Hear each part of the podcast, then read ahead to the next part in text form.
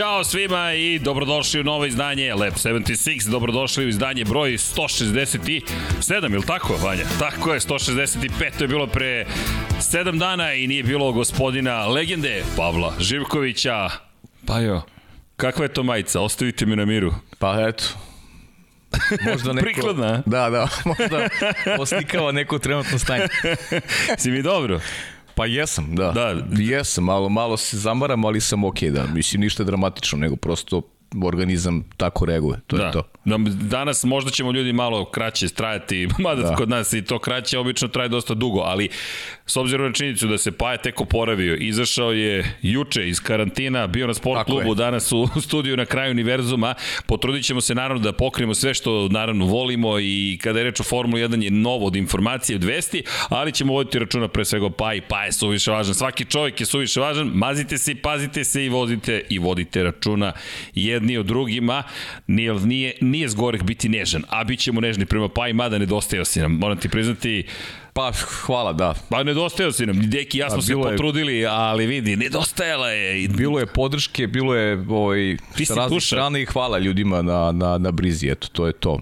Hvala vam svima. Ali naravno, mi ne bismo mogli da, da se ne upotpunimo ovoga vikenda, to jest ovoga utorka, nažalost, Deki nam je sada, nije još u karantinu, ali mu je zabranjen izlazak iz kuće, neki se ne osjeća dobro. Deki, ranjenih ima stalno izgleda. Ranjenih, da, pa dobro, ali bolje, mi to radimo u međusezoni. Kad dođe sezona, onda nema popuštanja. Da, organizam se opusti malo i, eto, da, moram da primetim, ranjivi smo. Koga si tražio da vidiš? Pa da, da, Ivana Pitao si za Ivana, to. Toškova, evo ga nam ga Ivan Toškov stigao. E, Ćao, e da, ljudi, Ćao. još jedno izvinjenje svim novim pokroviteljima. Jesmo rekli da će Paja čitati imena svih da, pokrovitelja, da, ali nedelje. molim vas za razumevanje, bukvalno mu nije dobro do, do, do malo pre sede ovde kao Kimi, nije baš spavao pred početak, ali bio je tu negde da. i u duhu Kimija penzionera Raikonena s njegovom majicom, odmah se aktivirao kako su se popalile kamere, ali hvala ti. Pa ja sam rekao, ja posle scene Kimi. Posle scene bukvalno Posle Kimi. Posle scene Kimi, to je, to je moj izbor, tako da... Da, znaš da se sprema knjiga.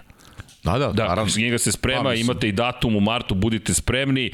Crveno i crno je tu, Dejan Potkonjak, mnogi su pitali i za drugu knjigu, tako da stiže i Ayrton Sena, nemojte ništa da brinete. Biće to još jedna knjiga, Rossi je pri kraju najzad, ja se nadam da ćemo uskoro biti u štampari da vam pošaljemo fotografije kako je krenulo štampanje. Kimi Raikkonen izašla je auto, nije autobiografija, biografija jedina koju on odobrio i to je prevedena na srpski. U našem izdanju Infinity Lighthouse sve možete da nađete na shop.infinitylighthouse.com. Pre svega nađete knjige, ali i neke druge knjige da čitate.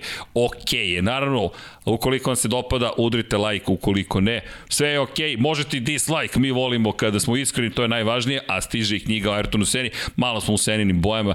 Smiki Baki je u Seninim bojama, ne znam šta Video je to sam, da. probudilo da. raspoloženje prema Brazilu. Video sam ga, baš mi ovaj dobro. Ide okoli promoviše nas. Smiljan Banjac, pozdrav za našeg dragog Smiljana Banjca. Veliki pozdrav za Baki. Jeste, Baki je tu.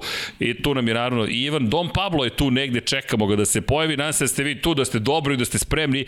Imamo o čemu da pričamo. Formula 1 očigledno nikad ne spava. I kad pomisliš, ma ništa se neće događati, a stigli su novi datumi, pljušte otkazi, pljušte angažmani i dalje otvoreno su neka pitanja, ali sezona trkanja je počela, Dakar je završen, tako da smo o tome pričali, proći ćemo ko je slavio pobede, pobede. Sutra vidjet ćemo da li će Deki biti spreman za sutra. Može da se desi da će za MotoGP neko drugi biti u studiju, ali pre svega bitno da se Deki oporavi, tako da je to prva stavka, sve ostalo ćemo mi lako da rešimo. Gledani, vidim da, da inhalira, tako da radi na, Jesi na tome. video?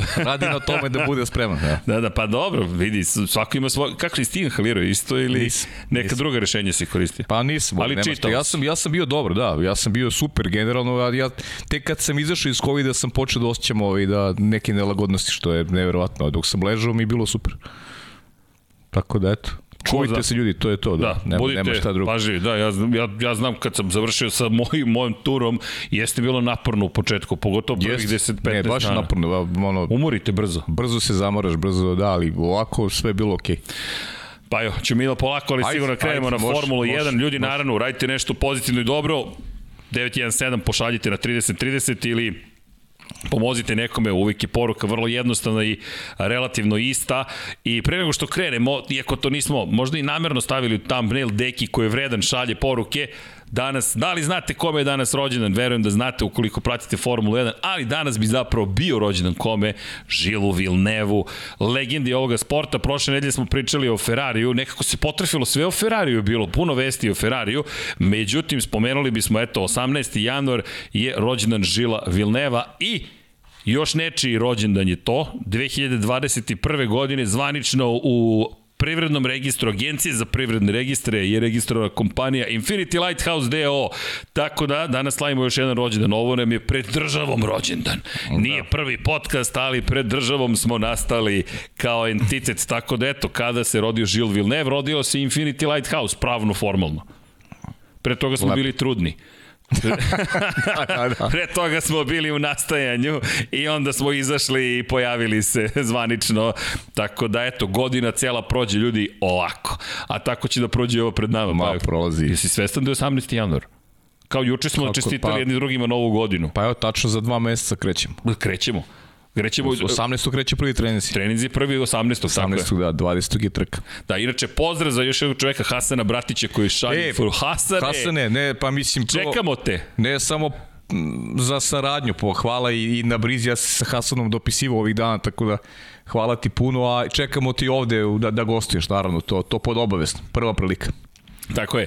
Inače, kada govorimo o Žilu Vilnevu, iz današnje perspektive neko ko ne bi možda skrenuo previše pažnje na sebe kada pogledaš rezultate statistika, nije neka impresivna. Šest pobjede ima u svojoj karijeri, ali to je Kanadjanin koji je osvojio planetu Zemlju, osvojio Ferrarijeve navijače, inače čovek koji je debitovao u McLarenu Ne znam da li to neko zna. Velika nagrada Velike Britanije je bio prvi njegov nastup i on je nastupio u McLarenu i onda je prešao krajem godine za veliku nagradu Kanade u Ferrari i to je bila čuvena situacija 1977. se sve to događalo. Zašto spominjamo Žila Vilneva? Verujte, mnogo je važan Žila Vilneva u istoriji Formule 1. Inače, ta velika nagrada Kanade je, rođe, je rođena. Da, sve rođendani. Da, da, dobro, imamo danas i rođendani. Kada će se roditi novi bolidi zvanično? I to će biti informacija 9. oktobra, pazi, dan posle mog prvog rođendana je vožena ta trka, da. sve u rođendanima. Mo Sport Park je bio u pitanju i to je jedna od onako hladnijih trka bila. Pa evo i žili bili ne, 10 dana pre mog rođendana. To pa jo. ako ćemo, ako ćemo ići rođendanima. Da, da, da. Koja je 33, ili tako? A, normalno. Da, ti znaš. Znam. Znaš da brojiš dobro. Naučio sam. Uvijek ti matematika bila Logaritanska tablica bi je uvijek išla od ruke. Ali, čovek koji je obeležio jedan period vrlo značajan i neko koji je osvojio srca Ferrarijevih navijača u to vreme Jody Scheckter 1979. Inače, kada se i Villeneuve, kada je Villeneuve bio vice šampion i osvojio titulu i sve se činilo da će on biti novi Ferrarijev šampion. Nažalost, to se nije dogodilo. 1982. je izgubio život u Zolderu na treningu. To su čuveni oni dueli posle San Marina, njegov veliki duel i, prosto period u kojem možemo reći da smo gledali jedan neverovatan, zaista možda možemo reći genezu praktično onoga što su 80. donali kasnije 90. René Arnoux, Alan Prost, ne zaboravite Didija Pironija i te njihove duele Villeneuve protiv Pironija i kako je sve to izgledalo. U svakom slučaju, Gilles Villeneuve danas bi slavio rođendan čovjek koji je eto, obeležio jedan period u kome bismo mogli da posjetiti jedan specijal. Zašto? Pa to je specifična vrsta ljudi, rekao bih. To je čovjek koji je tako malo trka zapravo imao 68, a ostavio tako dubog trag. Njegov sin Jacques Villeneuve, inače postao šampion sveta 1997 u Williams Renault, poslednji šampion Williamsa postao je Jacques Villeneuve Kanadjani su, eto, na taj način možemo reći ušli na velika vrata u Formulu 1 i od Žila Villeneuve Kanada nekako neizostavni deo deo ovog šampionata. Pa eto, čisto da ne zaboravimo da je... Ovo ne sme se zaboraviti. Tako je. Inače, čovek koji je rođen 1950. godine i danas bi imao 72 godine. Oj, Dom Pablo je stigao, a popunjava se studio, prošle nedelje solo Reče. smo bili. To je zbog tebe, pa je, ti kad se pojavio, svi su došli. Neki, ovo je neka poruka nama dvojici, ja bih rekao, ali dobro. Došli su da me vide mi kuvi i čajeve, da me da, da brinu o meni. da, jesi čitao dosta tokom... Jesam, jesam, da. da. pa znam, pa knjižara, biblioteka, uvek prisutna. Jesam. No, da mi krenemo, krenemo od čega, odakle god hoćete možemo da krenemo, ali naslov je rekao, Butkovski i Prost dobili otkaze. I ja bih krenuo odatle, Alpina, najavili smo da će Otmar Schaffnauer preći iz Aston Martina u Alpinu, on je to poricao, poricao, Aston Martin je rekao, otišao je Schaffnauer, već sedam dana kasnije malo manje, Marcin Butkovski je ostao bez posla. U Alpini to kao izvršni direktor je, tre, je zapravo bio angažovan, a potom i savjetnik Alan Prost, četvorostruki šampion sve. To za mene. O, za tebe, da, dobio da. sam i kaficu, čekaj, Dom Pablo je širokog srca večeras.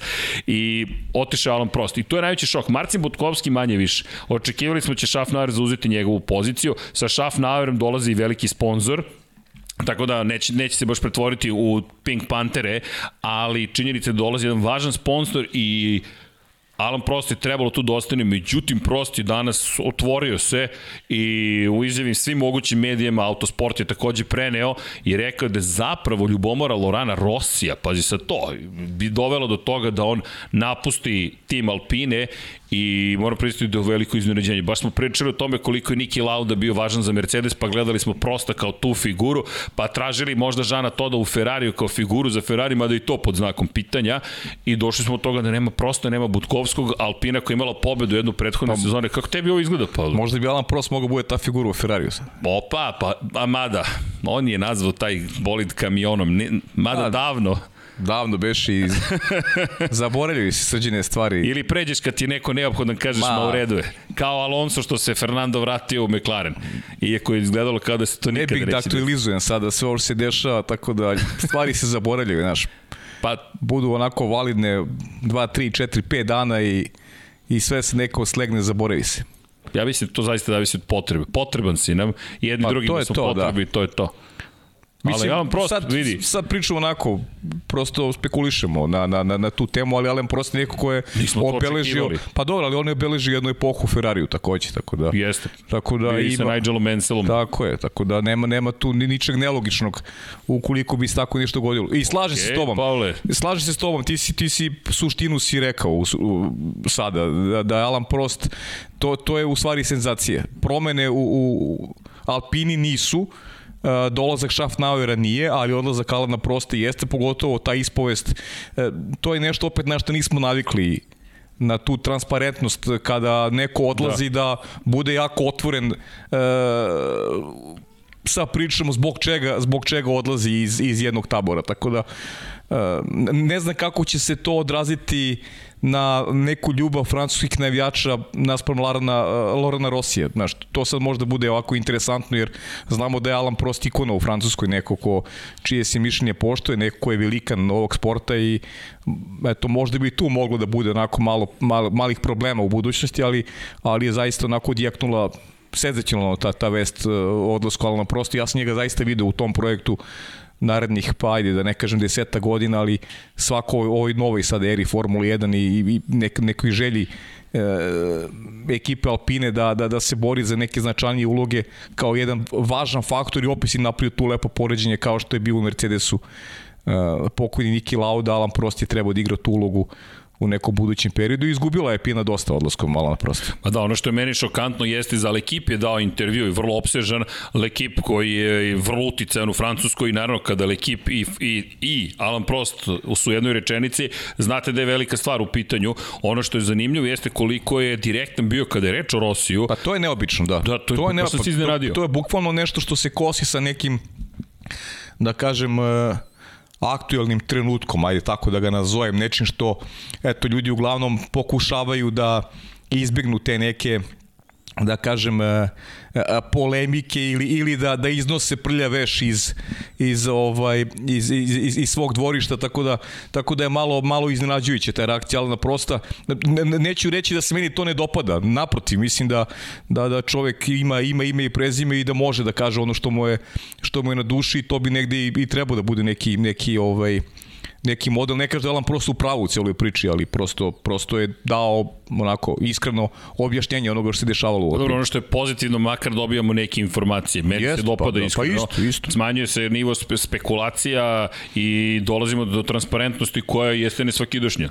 Pa ja mislim da ta neka otvorenost može samo da pomogne da pomogne u krajnjem slučaju ekipi ekipi Alpine da da eto možda možda sa malo ne, drugačijim nekim nekim stavom, drugačijim pogledom uh, onako budu otvoreni i ka i ka, i ka javnosti i da i da nađu neka rešenja koje će pomoći pomoći timu da se da se onako približi ovoj ovoj grupi velikana i tako da ih nazovemo u Formuli 1. Da inače Prost je rekao da Loran Rossi želi svu svu pažnju samo na sebi, da želi svetla pozornice i da sve što radi praktično, čak i kao član odbora, kada se donose odluke, donose se u poslednjem trenutku. Inače, Cyril Abitebul je dobio otkaz Dakle, Cyril Abitebul je prvi koji je nestao. Inače, ne znam da li je baš na njega misliš da su da, ili misliš da je dobro da svetla pozornice budu Samo na jednoj osobi. na, na jednoj osobi? Ko je izvršni direktor? Ne. Naravno da ne. Apsolutno ne. U, bi- u bilo čemu.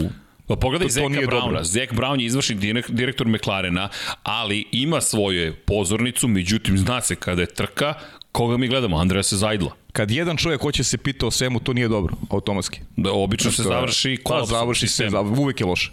E, to je brzo, možeš brzo da odlučeš, efikasno je, ali generalno veoma loše. I kratkoročno, i srednjoročno, i dugoročno. Kako god. I ovo će biti zanimljivo, mene sad zanima i Fernando Alonso kako će biti reakcija. Inače, neko je napravio mim da se vraća Flavio Briatore. Pa Da, to da, vidio sam, vidio sam, da, Flavio, sam vidio. we are back. Neko mi je poslao, da. ne, nije, nije. Dobro da Deki nije večeras tu, inače da spomen Flavio, vratno bi Pa, ustao. da, ustao bi i izašao bi E, demonstrativno. ali ne bi, Cincinnati Bengalsi su mu pobedili tako da idu u borbu za ulazak u finale konferencije u NFL-u, tako da eto, to je radost za Dekija. Prva pobjeda posle 31 godine.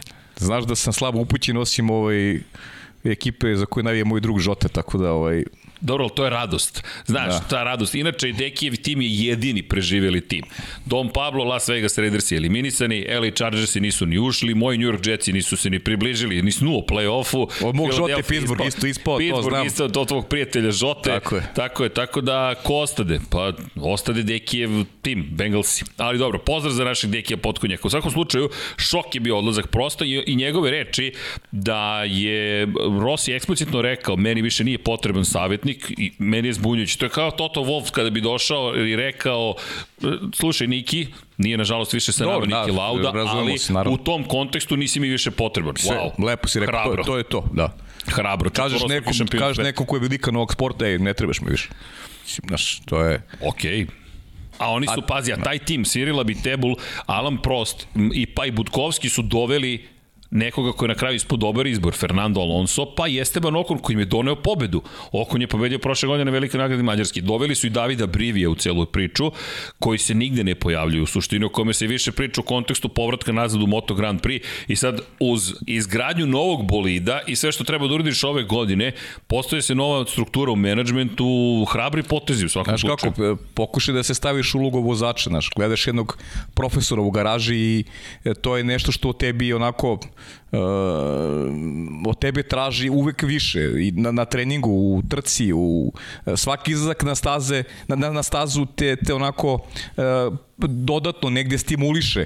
Sam pogled na na, na prosta ti, ti, ti daje tu neku, neku snagu dodatno, a sada toga neće biti i kažem, e, odlazak Alana Prosta je veliki udarac, pogotovo ta priča Znaš, Lolan Rossi kao ne trebaš mi, Alane ti mi ne trebaš više. Mislim, stvarno. Da, Rossi baš hrabre poteze povukao. Ok, I mislim, rebrendiranje. ajde, Vreme, vreme će pokazati. Da, da, ok, vreme vidi, će pokazati. za godinu jednu možda ćemo doći situaciju, bravo Rossi, Pa za okej. ovo sve što si izveo. Tako Ali je. Otmar Schaffnauer stiže, Schaffnauer koji je prešao iz Aston Martina, čovjek koji je vodio i Racing Point, For- Force Indiju, u periodu čak i u eri Vijaya Malije. Inače, veruje se, spekuliše se da će BVT, austrijska kompanija za pročišćavanje vode, poznata po roze bojama, ja mislim da su svim navijačima poznati upravo po Pink Panther Force India, to jest Racing Point bolidima, da priča se da će otići zajedno sa njim u redove Alpine. Vidjet ćemo kako će to uticati na boje, naravno ne očekujemo sad neku dramatičnu promenu, ali eto, Otmar Schaffnauer stiže, pa to su baš velike vesti, Jesu, i- baš velike promene.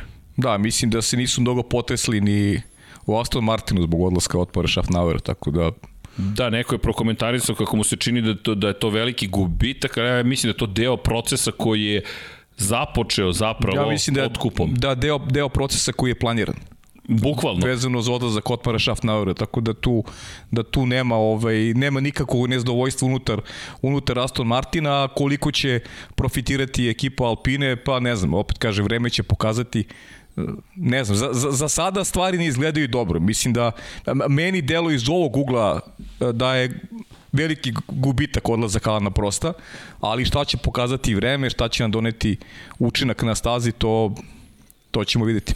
Da, inače, kada pričamo o novitetima, onome što se događa, kada pričamo o otkazima i angažmanima, samo da napomenemo ukratko, Lewis Hamilton, iako se dosta u Britaniji spekuliše o tome da li će nastaviti karijeru u sledeće godine ili neće, čak si Martin Brandel oglasio i rekao preće da napusti formulu ranije nego kasnije, ukoliko do toga dođe, i da je dobio veliki udarac, međutim na spisku prijavljenih vozača za novu sezonu piše Lewis Hamilton, Mercedes, tako da... Bilo, bilo tu neki pa, dilema? Ja nemam nikakvu dilemu, ja pre mislim, mislim da su da je to hajde da to je vrsta na vest. pritiska, vrsta igre koja koja počinje Mercedes zna vrlo dobro šta radi. Mislim da čak ne da mislim, nego Lewis Hamilton jednog momenta nije izjavio nigde u medijima da postoji mogućnost da ne vozi sledeći godin. Te su priče dolazile iz tih, nazovi, bliskih krugova, iz uh, nezvaničnih informacija, iz, iz Mercedesa.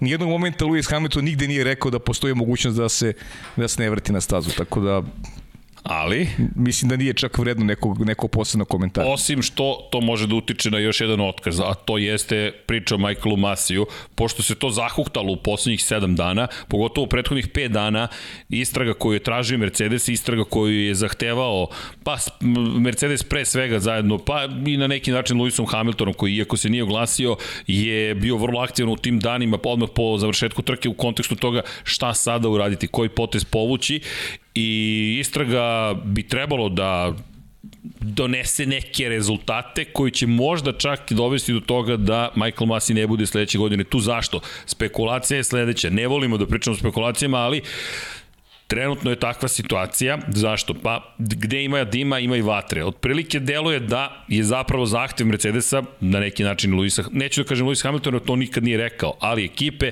da ukoliko želimo da se vrati Luis Hamilton na stazu, moramo da se odreknemo Michaela Masija. To je poruka sportu. Tako da Ne vjerujem da će neko mnogo plakati za Michaelom Masijem, ali činjenica je da deluje da Mercedes vrši tu istu vrstu pritiska, pri čemu ono što je tu problem jeste što je to nastavak zapravo mešanja opet u sport na ovaj ili onaj način. A ko se oglasi, oglasili se opet, bilo je priče baš o tome koliko šefovi timova utiču zapravo, ali čak i Martin Brandl rekao da je Toto Wolff mnogo pogrešio na velikoj nagradi Abu Dhabija, način na koji se ponašao tokom trke i način na koji je komunicirao sa direktorom trke no Mikey, no i slične izjave, da su prešle granicu onoga što je prihvatljivo kada si šef ekipe. Međutim, ekipa sada zahteva da se otpusti direktor trke. Ako ti to uspeš, bez obzira na njegovu grešku, ti si opet postavio do znanja mi upravljamo sportom de facto. Da li je to Mercedes ili neki drugi tim, opet nije dovoljno dobro. Neka i pogrešio Michael Masi. Ne možeš sada da ga skloniš, u suprotnom ćeš reći timovima, ako niste zadovoljni, samo nam javite i mi smo spremni da se odreknemo i direktora trke. Direktor trke je moćna pozicija. Kogod je Michaelu Masiju posle njegovog probnog perioda ukazao poverenje, tad je pogrešio. Ali sad, sada si komitovan, sada si otišao predaleko, moje mišljenje, samo da bi ga otpustio zato što to traži bilo koji tim ili bilo koji vozač. Ne možeš to da uradiš, u suprotnom smo opet došli do toga da timovi upravljaju, a Pre, a ideja je da ove godine se smanji uticaj timova na direkciju trke. A smanjit će se tako što će otpustiti direktora trke pre nego što sezona počne. Ne vidim smanjenje uticaja, samo pa, se dobro, pomerila ja scena gde će se vršiti uticaj. Ja sam ti rekao, ja i dalje, mislim i dalje, nema tu šta, nema, svako ima svoj pogled na, na, na, na, na sezonu. Mislim da su iz ovog drugog tabora koji se bori titulom imali mnogo više razloga da, da traže smenu Michaela Masija, ali cela sezona se iz perspektivi jednog tima svela na taj posljednji krug i sada se priča o samo jednom krugu kao da se pre toga ništa nije dešavalo u šampionatu, kao da, kao da 21 trka nije postojala, da je eto taj posljednji krug je ogledalo, ogledalo Michaela Masija. Pa nije samo posljednji krug ogledalo Michaela Masija. Michael Masija je napravio milion e, sličnih grešaka tokom sezone koje su e, dovele do toga da posljednji krug bude odlučujući u, u šampionatu. Tako da ne znam šta će biti epilog vezan za Michaela Masije, ja ne bih volao da ga vidim na tom mestu iskreno, ali ne zato što ja branim stranu e, Luisa Hamiltona ili Maxa Verstappena, već zato što je čovjek pokazao da nije sposoban da radi taj posao na, na, na jednom optimalnom nivou i, i ne mislim da, da, da, da će mu ovo iskustvo pomoći da bude bolji. Ne, on je otkrio svoj karakter, pokazuje da sa njim možda se manipuliše, da u svakoj situaciji kada neko vrši pritisak njega, on, se, on ne ume da se snađe i ja ne, ne vidim da to može da se promeni, da bude, da bude drugačije u nekom, u nekom narodnom periodu, ali e, na njega ne treba gledati iz perspektive jedne ekipe, nego iz perspektive onoga što je on doneo ovoj sezoni. U smislu uh, kontrolisanja trke, sprovođenje pravilnika uh, tokom iste i tako dalje i tako dalje. Mislim da je to onako vladala jedna opšta anarhija koja je i, i, i, i, među, i u naše redove ovde u podcastu dovelo toga da, da nismo baš bili sigurni šta, šta, je, šta je čovjek radio i e, kako je ta pravila tumačio. Tako da jedan ogroman minus i iskreno meni, meni ne bi nedostao Michael Masi ukoliko kad ne bude bilo sledeće sezone. Meni ne bi nedostao, ali mislim da ako sada ga otpustiš da si opet popustio, da opet nisi kao međunarodno, jer ovo je veliki test za koga? Novi predsednik Međunarodne automobilske federacije je tu. Jean Todt više nije na toj poziciji. I sad je pitanje, da li i kako se postavljaš? Nije mu lako. Mohamed Ben Sulaim je dobio možda i najteži mogući početak svojeg mandata, ali na muti se poznaju naci. Da vidimo kako ćeš da rešiš pitanje jedne od naj, neću reći nećih skandala, jedne od najtežih, zahtevnih, kompleksnih situacija u istoriji sporta. Na tebi je sada da kažeš i Mercedesu i Red Bullu, ljudi, drugačije će biti u nastavku, šta to znači? Biće neki red uveden, a istovremeno da im kažeš da, prihvatamo vaše povratne informacije, no ne toliko da bismo otpustili svog direktora trke. Ne kažem da Michael Masi ne treba da ide, samo što mislim treba da ide kasnije. Ne sada i ne pod ovim uslovima, jer u suprotno misliš da si, mislim da si rekao, bilo Mercedesu, bilo Red Bullu, e pa i možete nama da manipulišete, jer mislim da ovo za sada za Vinsu Lajma test kao Masi što je bio na testu. Šta ćeš ti da uradiš sada kada ti mi, kao šampioni, osmostruki uzastopni, kažemo moraš da otpustiš svog direktora trke. Pa dobro, da, ali, to je poruka. Ok, ali, da li, znaš, ne, ne, ne mora sve da se tumači kao kao neki, kao neki pritisak i uslov, znaš, e, misli da neko, to neko, e, da kažem, e, bolesno tkivo treba ostraniti. Znaš, nije, nije bitan način kako će se ostraniti bolesno tkivo, već ga ostraniti. A, a Michael Masi je definitivno bio najslabija karika minule sezone. I, I to je početak i, tu je početak i kraj priče. Da li? Zašto se sada čuje samo jedna strana? Pa čuje samo jedna strana zbog toga što je ta strana poražena. Pa upravo to, Red Bull je, bi se čuo da je bilo tako suprotno. Tako je, pa napad, to naravno. Red Bull bi prvi tražio otkaz pa, Masija da izgubi. I, I imao bi mnogo više argumenta u rukama. Ali čak i da ih ima manje ili da ih ima podjednako, tada bi se tek čuli. Ko gubi, taj se ljuti. To je vrlo jednostavno. U, u, uvek, je, uvek tako, je tako. Uvek je tako. I to je on, on, Ali... on, on, on je početak priče što koji si naveo vezano kako se stvari zaboravljaju generalno brzo i, i svaki dan nosi nešto novo. Evo, hiper pa informacije. Evo ti Sebastian Vettel, da li je spreman da sedne u Mercedes ukoliko se ukaže prilika? Pa ja mislim da bi bio vrlo brzo. Pa spreman vrlo, a da. smo zaboravili kakve su priče bile u vreme kada je kada je za kada se s Ferrarijem borio protiv Mercedesa. Koliko je tu bilo, koliko je tu bilo vo, pa loših da, vibracija i Pa čekaj, hoću ti kažem, čekaj, ali hoću ti kažem Fetel, kako se stvari zaboravljaju, znači to ti je. nisu voleli dok je bio Red Bullu, kad je otišao u Ferrari, postao je To ti je to, znači to je. Instant miljenik. Ali, pazi, ali to je i, i, i priroda sporta, kad ti dođe u omiljenu ekipu, ti kažeš, e, ok, sad si ok, nisi bio ok dok si bio protiv nas. I to je iracionalno, to je to, to u redu. Da. Ali, deluje, to je čak nije, nije ni da deluje, dosta je jasna poruka Wolfa. Wolf koji je rekao da je svaku iluziju u sportu izgubio Hamilton i svi zaključuju da je zapravo poruka od istrage zavisi šta će se dalje dešavati. To je ono što je ogroman pritisak. A inače, FIA koja se sutra sastaje, 19. januara, na jedna od stvari, na jedna od stavki ta, dnevnog reda će biti i upotreba i upravljanje vozilom bezbednosti. Tako da to će već početi da rešavaju, vidjet ćemo da li će rešiti i 18. marta će biti saopšteni nalazi istrage. Malo pre si spomenuo taj datum, 18. marta mi počinjemo sezonu. To je bukvalno petak pred početak prve trke. Dakle, dva dana pre početka sezone ti si de facto počeo sezonu, ti ćeš tad saznati koji, koji su rezultati Jeste. istrage. Ali evo ti vidiš, ti to, znaš, i ljudi, i, i pričali smo o tome u podcastima ranije, e, šta nam je donelo ova sezona gde um, u kojoj jedan momak uspeo da, mlad momak uspeo da pobedi velikog šampiona. I mi koliko je prošlo od, od, od sezone? Ne samo ti i ja ovde i Deki Potkonjak i više pričamo o Luisu Hamiltonu i o tome da li će onda vozi narodnu sezonu, da li će nego više, nego, nego o svetskom šampionu. yes. Znači svetski šampioni negde onako skrajnut, negde, on je negde sa strane, momak koji je popuno zasluženo osvojio titulu, mi smo fokusirani sa pričom o, o žalbi Mercedesa, da li je taj posljednji krug bio ispravan, nije bio ispravan, uopšte ne pričamo o, o dečku koji je, koji je zaista imao fantastičnu godinu i kažem, popuno zasluženo prvi prošao kroz cilj, e, stalno pričamo o, o, o Lewisu Hamiltonu i nekoj borbi Mercedesa sa Michaelom Masijem, sa, sa nekim pretnjama da Lewis više neće voziti. Mislim, ljudi, ajde, pripremajte se za sledeću godinu. Lewis je veliki vozač, veliki šampion. Ja sam siguran da će on do, do odlaska u penziju osvojiti ospo šampionsku titulu. Ne zato što će neko tomu pokloni, nego zato što je čovek e, veliki vozač i, i ja sam siguran da se on neće oprostiti dok ne osvoji osmo šampionsku titulu. Kao što siguran da će Novak Đoković osvojiti 21. Grand Slam, mislim, to su ti, ti sportisti koji, koji imaju cilj i, i uradit će sve da dođu do, do tog cilja. Mislim, uradit će sve na tom sportskom planu da, da do tog Posvećenost je potpuno. Posvećenost maksimalna, maksimalna i oni će, oni će svoje ciljeve da ostvare. Jer su pokazali kroz karijeru da su, da su u stanju da, da, da, da pomeraju granice. To Vidi, je to. Ja čekam da se oglasi Lewis Hamilton. On je prestao da prati sve na Instagramu, poruka je dosta jasna i verujem da mu nije lako, ali mi, slažem se s tom 100%, ja mislim da će biti jači posle ovoga. Ja sam da ubeđen u to, da naš, nađe inspiraciju da kaže ok. Iskreno ti kažem, malo, malo, me više, malo me više nerviraju ove teme, naš, e, Mercedes, ok, a ja razumem i marketing, razumem i pritisak.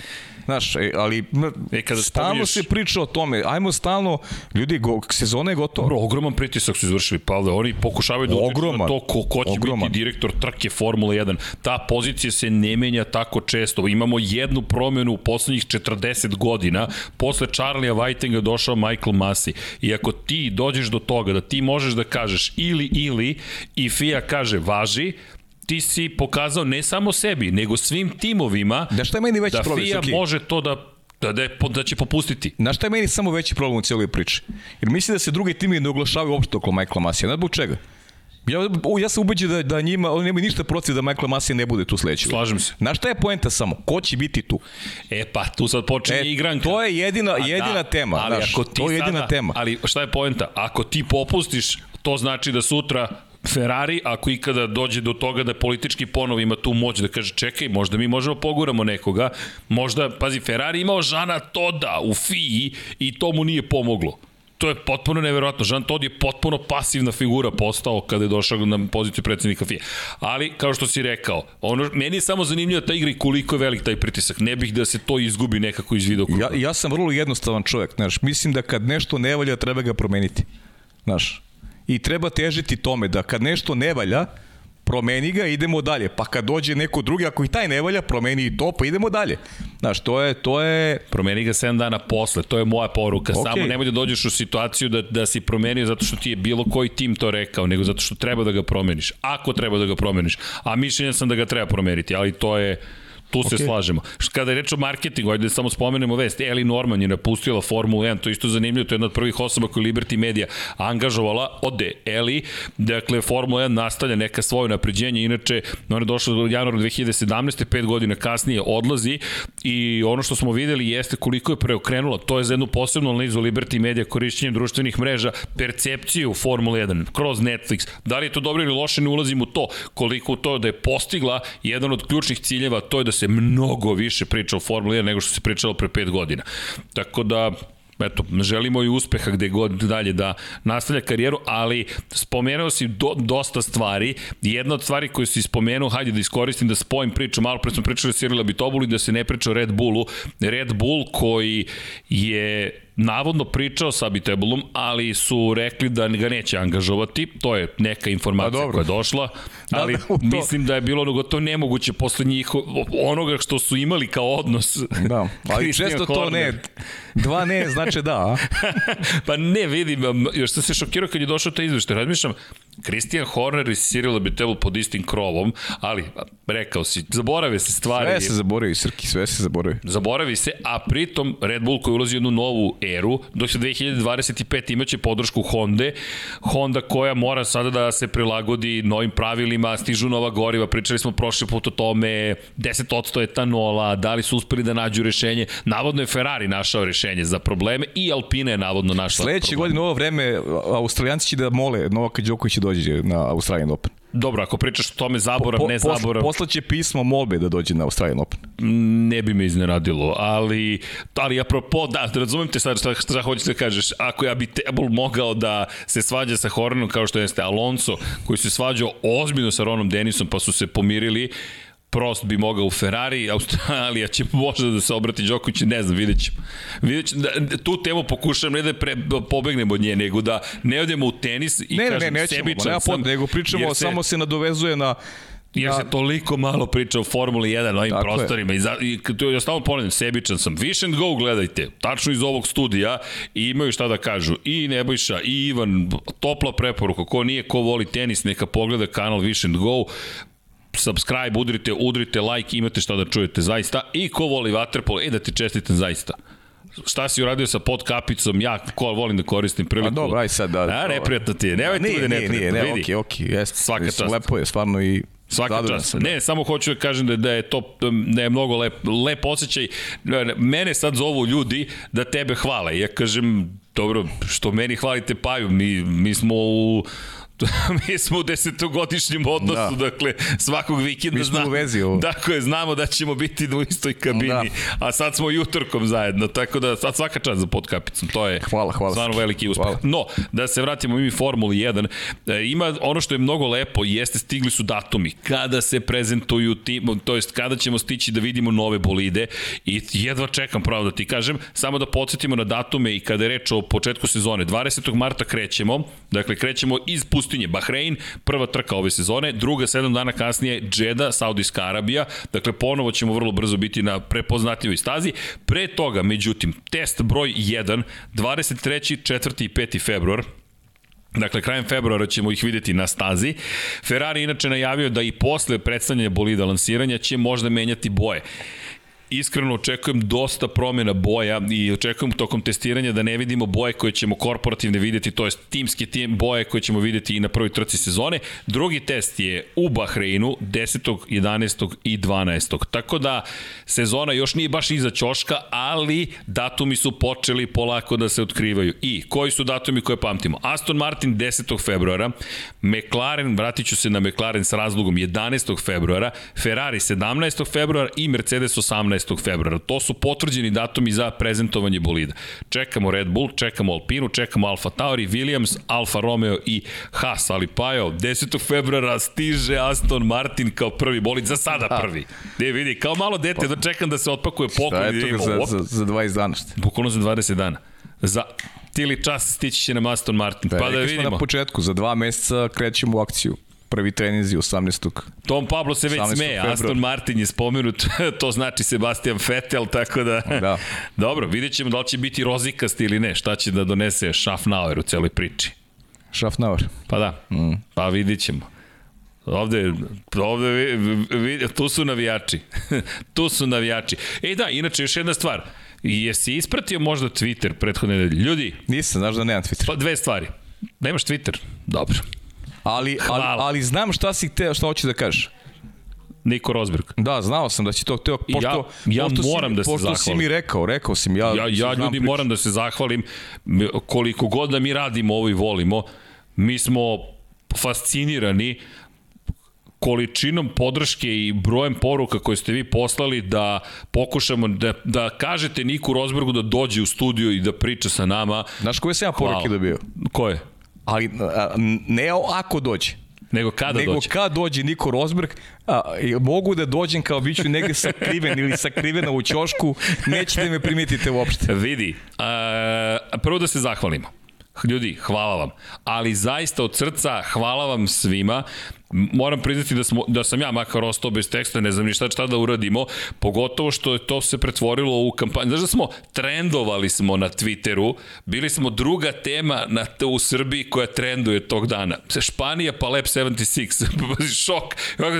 Ok, hvala. Samo hoću da kažem hvala, predivni ste, ne postoji bolja ekipa.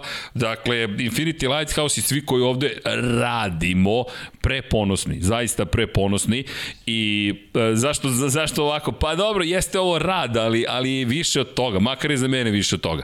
I, i, i pojenta jeste u tome da, da ste uradili nešto neverovatno, tim Nika Rosberga nam je odgovorio, zvanično, tako da postigli smo svi zajedno mnogo, pre svega vi, dobili smo odgovor i uspostavili smo formalnu komunikaciju. Tako da, držite nam palčeve, pa sad jednog dana dalje, možda... Da. Pazi, to je svetski šampion. Inače, u momentu kada je tweeteo šta da radim u Beogradu, je već bio na putu za aerodrom. Ja mislim da je više rekao što da radim kao usputni tweet. I onda se krenula lavina jedna.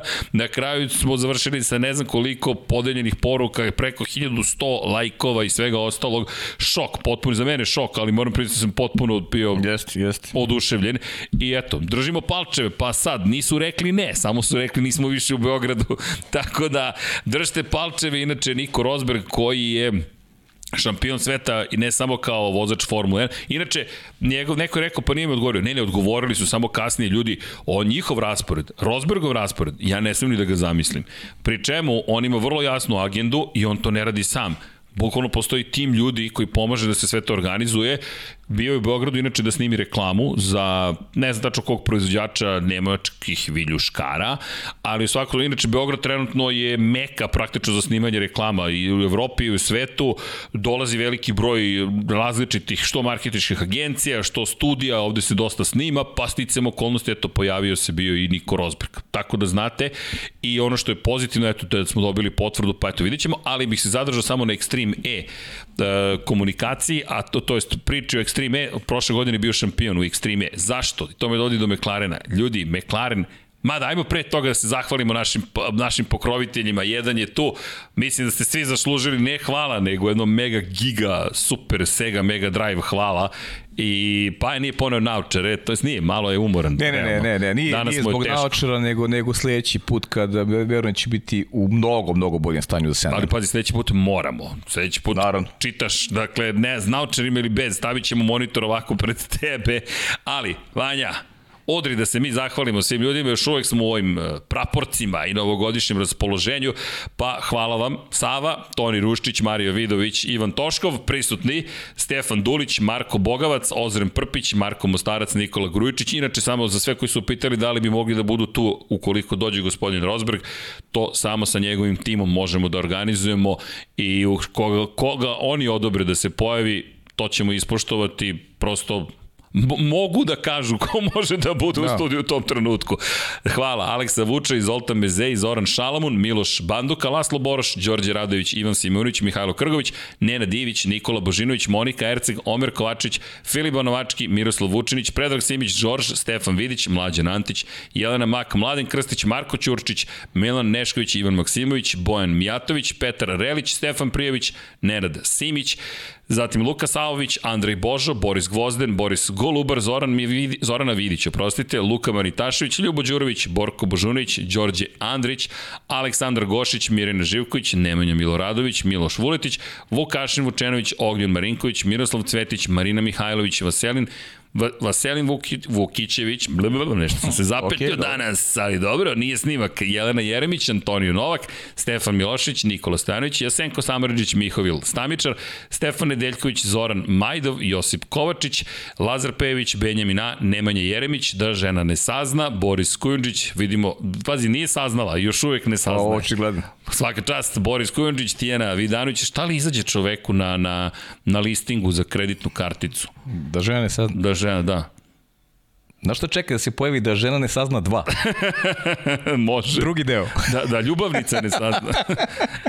Ali u svakom slučaju, Boris Kujundžić, Tijena Vida, muž ne sazna, ja to čekam. Da muž ne da, sazna. Da, sazna. Tijena Vidanović, Stefan Ličina, Aleksandar Antonović, Dejan Vujović, Nemanja Zagorac, Đole Bronkos, Aleksa Jelić, Aca Vizla, Igor Vučković, Milan Ristić, Branko Bisački, Nenad Đorđević, Vukašin Jekić, Aleksandar M, Žarko Milić, Dejan Đokić, Bojan Markov, Ertan Prelić, Igor Gašparić, Alen Stojčić Deprest, Cody Garbrandt fan, najkompleksnije ime za sada, Branislav Dević, Strahinja Blagović, Aleksandar Jurić, Vladimir Filipović, Branislav Marković, Vanja Radulović, Đorđe Đukić, Miloš Todorov, Todorov Ivan C, Emir Mesić, Stefan Stanković, Dušan Ristić, Jel tako? Jeste. Vladimir Petković, Pavle Njemec, Jovan Đodan, Boris Erceg, Mirena Kovačić i Katarina, plus 19 tajnih pokrovitelja. Hvala. Hvala i onima koji su nam se pridružili na YouTube-u. Imate dugme Join.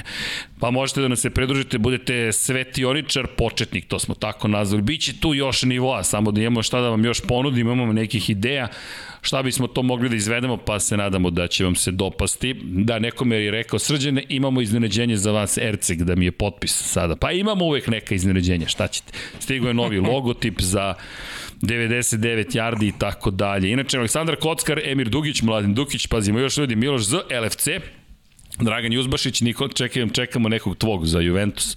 Zatim Nikola A. Smit, Nemanja Miloradović, Zvonimir Papić, Ivan Božanić, Marina, Vlada, Vlada Ivanović, Oliver Nikolić, Marko Bogovac, Nemanja Krstović, Miloš Babin, Andrija Todorović, Jelena Jeremić, Resničanin, Kalabi, Jao, Aleksandar Nikolić, Lukas Kok, Petar Bjelić, Mirodor Reljić, Fatalac 1, Nemanja, Bojan Markov, Danilo Petrić, Najsus 2014, Amir Okić i Nena Cimić. Definitivno je došlo vreme da snimimo ovako jedan krol, da pustimo i kažemo, ok, ljudi, na kraju će biti posvećeno svima koji nas podržavaju i što kaže Vanja da tokom emisije, evo i Ivan Toško mi pokazuje, se vrti. Uf, ali dobro. Izgurao si. Pa, izgurao sam. Sledeća ide moj. Sledeća je tvoja vežba i pa spremaj okay, se. Pa. Okay, okay. Da, i Idemo na McLaren, zašto? McLaren je rekao, sačuvajte datum, save the date, zapamtite zapravo datum, 11. februar, ali Šta prezentuje McLaren tog datuma? Da, tim Formula 1, inače pogledajte njihov Instagram i YouTube, neverovatna reklama, međutim, predstavlja MX ekipu, to je Extreme E ekipa s kojom se takmiče, gde će biti privali upravo Niku Rosbergu, pričat će malo o tom šampionatu, približava se i on. Zatim, preskočit ću ono što je meni makar najzanimljivije na četvrtom mesto, Shadow McLaren. Ko ne zna za Shadow McLaren, evo prilike, zato nadam se i pratite između ostalog Lab 76, možete da pogledate, to je McLaren e-sports. Dakle, u virtualnom svetu se takmiče i zove se McLaren Shadow Project. Program virtualnog trkanja koje prati ono što se događa u stvarnom svetu poput senke. I za mene, Ovo sve su ozbiljni programi, pozabavit ćemo se njima, međutim, jedna od najlepših vesti, verujem da si ispratio, Pajo, a to je, posle 40 godina i kusur i tako dalje i tako dalje, McLaren stiže u Indiji i to kako stiže s Juanom Pablom Montoyom idu na 500 milija Indianapolisa u napad. Pazi, Juan Pablo Montoya ponovo. To mi je, to mi je sledeća želja da s tobom radim ovaj, tu trku profesionalna želja i nadam se da ćemo jednog, jednog dana imati priliku. To bi bilo da fenomenalno. I znaš šta bi to, bilo? To, to, to bi ne, zaista volio da radim. Da odemo na lice mesta. Pa dobro, to je sad... Ma to je, to Pajo, to zamisli je... 400.000 ljudi i 500 milja Indianapolisa radiš na lice pa, mesta. Ti ja smo onako u genetskom kodu novinari ovaj, vučemo i porodično nasleđe, tako, tako, je, da tako uvek je, uvek je bolje, na, uvek je najbolje na licu mesta, to, to je ali... Pa našli bi nas u garaži, naravno. Tako je, ali najbolje, bitno je da radimo, ajde sad, odakle, Jest. odakle ajde, neka, neka to bude želja broj 2, ali, ali da komentarišemo 500 mini Napolisa, to mi je baš velika želja. Da, to bi bilo predivno. Juan Pablo Montoya za one koji su se rodili posle, pre Paje, to je Juan Pablo Montoya, čovjek koji ima, pa ima 40 i ove godine 7 godina, 46 ih ima. Dosta je mator. Da, ima godina, ima dosta je, da, ali skupi sede vlasi i ga otkrivaju, ali ono što je fenomenalno čovjek koji je vozio u NASCAR-u i je bio champ car šampion i vozio u Formuli 1, nije postao prvak Formula 1, ali je bio sjajan. Strašno vozač. Za Williams, za McLaren, čovek koji se posle i vratio, inače u Ameriku i obreo se ponovo na 500 milija Indianapolisa i kada pogledate njegove nastupe u 500 milija Indianapolisa, čovek je apsolutna legenda. U prvi nastup u Indianapolisu pobeda. Ej, to kakva pobeda. Čovjek je bio potpuno neverovatan. Inače, osvojio je Indianapolis dva puta u debiju, bukvalno 2000. godine uspeo da slavi osvajanje jedan od najvećih kruna, jedan od najvažnijih trka. Inače, u malo nije postao šampion sveta 2015. Moram priznati da sam ponosan što sam bio prisutan na toj trci. Iako nije postao prvak, tu sam navijao. Bio sam iza Montareko Montajmo, Juan Pablo, ali Scott Dixon mu otio titul. To je u Sonomi bilo, bila trka uzbudljiva. Ali eto, to mi je bila jedna od glavnih stvari. Pazi, četiri ekipe vrlo ozbiljne i sve su spakovane u jedan datum i onda Juan Pablo Montoya. Kakav tim? Imaš Ricarda, imaš Landa Norisa, Daniel Ricarda, Landa Norisa, Juana Pablo Montoya pod istom kapom. Nije loše. Tačka. Tačka. Bukvalno tačka, ali dobro. Da to je meni makar bilo rekao, ok, svi ovi datumi su super, ali McLaren koliko yes. su ozbiljni. Inače, Zach Brown koji je takođe dao vrlo oštre izjave, dosta je bio transparentan i ne da je bio transparentan, nego izjava u kojoj je rekao da postoje timovi koji ne shvataju da je pozitivno za Formulu 1 da postoji ograničenje budžeta i bukvalno je rekao Dakle, ovo je saopštenje za javnost, to je njegov intervju u kojem je rekao da je ono što on vidi, da je trenutna struktura sporta takva da neki od timova praktično kao taoce drže ostale timove i pokušavaju da zaštite svoju prednost time što ne dozvoljavaju zapravo da se razvije sport kroz izjednačavanje timova. I smatra da 10 timova bi trebalo da bude potpuno jednako u kojima motor, eventualno delove menjača možeš da kupiš, sve ostalo možeš da razviješ sam u budžetu koji je za to predviđen. I moram te pristati, slažem se sa njimi iz te perspektive, što većeg izjednačavanja. Ono što takođe vidi kao problem, problem jesu timovi A i B. Sve više timova ima A, B pa, tim. Da, pa to je najveći problem. To, to smo pričali i, i ranijih godina. A što se tiče izjednačavanja, mislim da, da nikad nećemo doseći taj, taj nivo. To, to je nemoguće. Mislim, mi možemo da priželjkujemo takav scenarij, ali mislim da je, da je, da je nemoguće. Uvijek će postojati ta kategorizacija tih velikih timova i manjih timova u krajnjem slučaju nije to samo u Formula 1 slučaju, već generalno.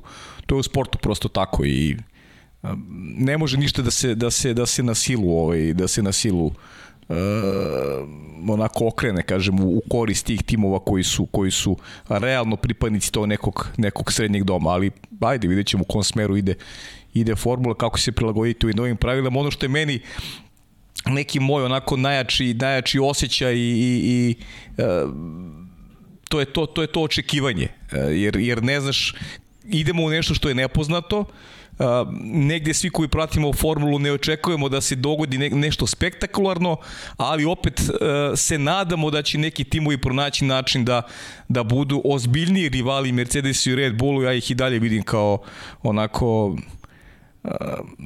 najznačajnije figure u, u šampionatu u tom nekom budućem periodu, ali bitno je da, da Ferrari, McLaren pre svega, to su ekipe koje imaju veliku tradiciju i od njih nekako očekujemo da, da oni možda poremete taj balans koji je postao ove godine gde, gde su manje više e, eto, dva vozača i dva tima odlučivalo o tome ko će biti pobednik ne samo šampionate, već i, i 90% trka. U svakom slučaju, Zach Brown dosta jasan i dopada mi se ova nova Formula 1 u kojem imaš jakog izvršnog direktora McLarena, imaš ozbiljnog šefa ekipe McLarena, s druge strane Alpina, ok, vidjet ćemo šta će Rossi tu da postigne, Mercedes da. je na svom nivou, Red Bull ima jasnu strukturu, Ferrari se stabilizovao, što sa vozačima, prošle put smo dosta pričali o Ferrariju, što sa Matijom Binotom koji je dobio podršku i konačno i novog izvršnog direktora Ferrarija, zato nam je ta vest prošle nedelje bila toliko važna i cela priča o Ferrariju. I sada uz ovako snažne izjave McLarena i Ja McLaren i ambiciozne projekte. Da, imam problem dobro. sa McLarenom samo zbog toga što koristi Mercedes agregate. Znaš, to je, to je moj najveći problem sa McLarenom, što McLaren nema nekog proizvođača u sebe koji, koji će da čvrsto stoji iza njih. E, to, to mi je problem. McLaren velika ekipa. Iskreno ti kažem, ja, ja više bih video McLaren kao a, potencijalnu opasnost Red Bullu i, i, i Mercedesu nego Ferrari. Iskreno. Ali u nekoj drugačijoj konstelaciji snaga. Ne uz Mercedes. I to je to je moj ajde kažem briga, da. mislim znaš, nije briga, briga za za za neizvesnost trka, eto eto ta vrsta brige. Pa za otvorenost znaš, ja, takmičenja da i timovi koji su privatni ja, mogu ja, ja, tako, jako volim, jako volim McLaren, jako volim Ferrari, to su to su dva velika tima i veliko poštovanje naravno imaju svih nas koji koji pratimo sport, ali e, McLaren ima ima ima taj problem. S druge strane, Ferrari je organizacioni i znamo da Ferrari generalno kroz istoriju imao samo taj jedan period sa Schumacherom u kome je imao dominantnu ulogu tih 5, 7, 8 godina koliko je trajalo, jako nisu ali titulo startali se videlo da, da idu u smeru jedne, jedne dominacije i to je najbolji period Ferrari u istoriji. Nakon toga zaista onako dosta, dosta onako turbulentnih momenata i ja bih volio da si ti u pravu, da je, da je Ferrari na nekom pravom tragu, na pravom putu, ali moram ti priznati da sam skeptičan kada je, kada je u pitanju i neka i neka, neka bliska budućnost uh, Ferrari. Nadam se da grešim, ali... Ali ajde. pazi, Christian Horner koji je rekao, pošto se dosta postavlja pitanje, ono što smo i mi pričali da će da bi moglo da se desi, da li Red Bull previše resursa uložio u 2021. na uštrb razvoja bolida za 2022. I Christian Horner koji je rekao kada nas Ferrari bude razbucao u prvoj trci sezone i bude slavio pobedu, možda će se ispostaviti to tačnim. Deki je tipovao da je Charles Leclerc pobednik prve trke sezone. Vidjet ćemo. Nis, ne znam da li bih išao toliko daleko, ali verujem u bolji Ferrari u svakom slučaju. Pa mislim, Ferrari mora bude bolji, mislim, to, to, to naš... Jednostavno je. Jednostavno ono što je Deki rekao, to nije tim koji se bori za treće mesto. Mada, u Ferrariju su rekli da što se njih tiče bitka s McLarenom je za njih bila poput bitke za titulu šampiona sveta. Oni su tako pristupili toj borbi. Mislim da je to bilo pozitivno za njih, da se posvete nekom cilju na taj način. A, ali evo ako sad ćemo postavimo stvari, koliko ti i ja pratimo Formu 1, recimo, sad gledamo iz našeg Google. Dosta dugo. Koliko je često Ferrari bio u bici za prvo mesto? Koliko je bio često? 2000, ajmo ovako, od kada pratimo Formulu 1 ili od kada prati, komentarišemo? Vrati vreme od kada si, od kada si počeo pratiš Formulu 1. Ovako, 87. 8. sam prvi put počeo da pratim. Davno beše. Ali tad je McLaren bio, pa se pojavio, pa je prosto u jednom momentu delovao kao da bi mogao da ugrozi, ali, ali nije. Smo, ali, ali nije. Realno nije bio ubici. Berger, Alezi nisu, Albor, Alboreto, Alboreto, isto, takođe, Berger nisu. Nisu. Tek kada je došao Schumacher su postali konkurentni da se bore za titulu. 96. nisu, 97. jesu, 98. jesu, 99. Pa, pa, pa je po epohama, gledaj po vozačima. Pa eto, Schumacherova epoha. Schumacherova, onda su imali Masa, Raikkonen, Jeste. On, onih par godina gde su, gde su mogli. Čekaj, bili su konkurentni. Kimi je osvojio bili titulu. Bili su, Masa jednu izgubio. Masa izgubio jednu titulu. Tako 2009. Je. nisu, tad se povredio Masa, to je bio baš veliki udarac. 2010. jesu, jesu. Alonsova era. Pazi, 2010. i 2012. Dve godine na, od, od, na, u tom na, periodu. Na dve godine, na da. dve godine u principu. I Fetel imao, I Fetel na, imao. Na, na dve godine, ali, ali nije imao, da. nije bilo kontinuiteta u smislu da u posljednjih pet trka se već znao da Ferrari ne može. Pa Alonso je zapravo naj, najbliže prišao. Alonso je 2010. u posljednjoj trci sezone imao šansu i 2012. imao šansu. I, imao je kontinuitet. Imao je neki kontinuitet. Pa, I Alonso... mogo je da se bori do kraja kad bolje razmislim čoveče šta je Alonso izveo sa tim bolidom, gde je on uopšte doveo yes. taj Ferrari u jednom momentu. Ferrari koji ničim nije zaslužio organizacijno. Fetel, Fetel nije igrao do kraja. Fetel nije i nijednom bio u poslednjoj trci sezone ne. konkurent. Ne. Ali takođe mislim da je Fetel ušao u periodu kada si morao da imaš kada je vozač mogao manje da nadoknadi nego ra. Ne kažem da nije mogao, ali mislim da smo ušli u hibridnu eru gde je ceo tim morao da bude mnogo bolji. Ferrari je simbol Ferrari ima najveći baz navijača, ali Ferrari, Ferrari posljednjih 30 godina s izuzetkom ere Mihala Šumahira nije e, imao kontinuirano dobre rezultate, da. nije se borio za titule. Svake I, dve i, godine. Pa, ali imao si, imao si Alonso koji, koji ostaje do kraja utrci. I to je to. To je to. Dobro, zato je tu bolid. Marina, hvala na, pop, na poklonu, tu je Alonso. Ali da, činjenice da da nije bilo ne postoji prosto period. To je, ali to je činjenica. Nastanjam se na ono što i, i gospodin Miodrag Kotor izjavio, baš kada smo pričali sa njim, usput je spomenuo tu priču, mi se nadamo ove godine, došla je 2022. čekamo ga da nam dođe u Beograd, veliki pozdrav ukoliko nas prati, da nam ispriča te priče, ali i on je rekao da je došao moment kada je Ferrari rešio da otpusti sve ne italijane, pogotovo iz management strukture i da bukvalno gura italijansku priču. Bukvalno to je stav bio interni, nije im se baš isplatilo, ali, ali tu smo, iz te perspektive. Mada kažem, djeluje mi da sada bi najzad mogli nešto da urade. No, ja bih, ja bih volao da si pravo. Vanja, kaži. Vanja. Zašto McLaren ne pravi svoje motore? Zašto drugi ne prave takođe? Pa nemoguća misija, Vanja. Toliko je, to i jeste jedan od problema hibridne ere i ranije je bilo teško proizvesti konkurentan motor Formula 1, ali u hibridnoj eri to je na nivou nemogućeg. To su uh, preskupe tehnologije. Honda je samo u prvoj godini potrošila pola milijarde dolara za razvoj tog motora, da bi tek posle pet godina postala konkurentna. Suštinski četvrtoj, petoj godini postala konkurentna i, i osvojila titulu. Jedva i posle 30 godina od Ayrtona Sene.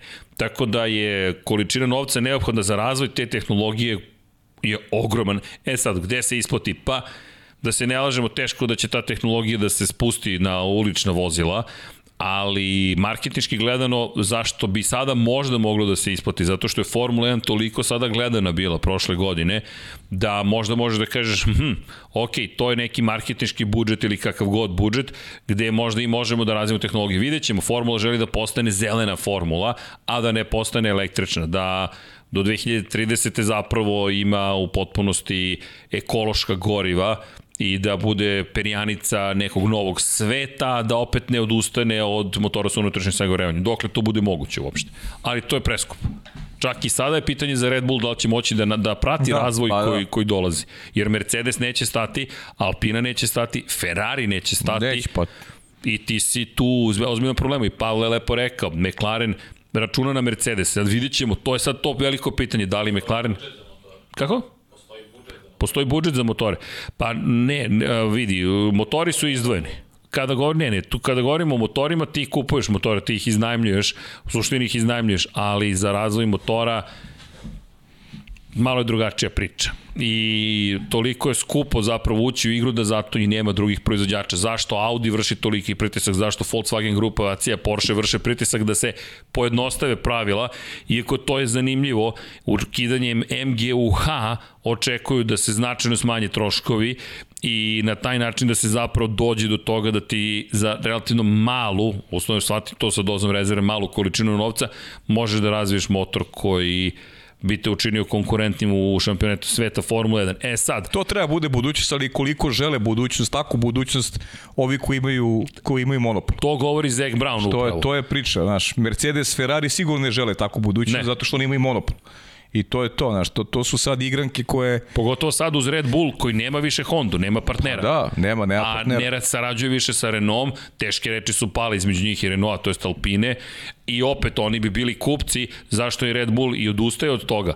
Slična situacija, ti kupuješ motore od nekog drugog. Koliko god ti fabrika dala dobar motor, ti nikad nećeš učestvovati u razvoju tog motora yes. od početka do kraja. Zato je Honda suštinski bila dobar potez za McLaren, samo što nisu... To je bio najbolji, jezik. da, najbolji mogući potez je to bio.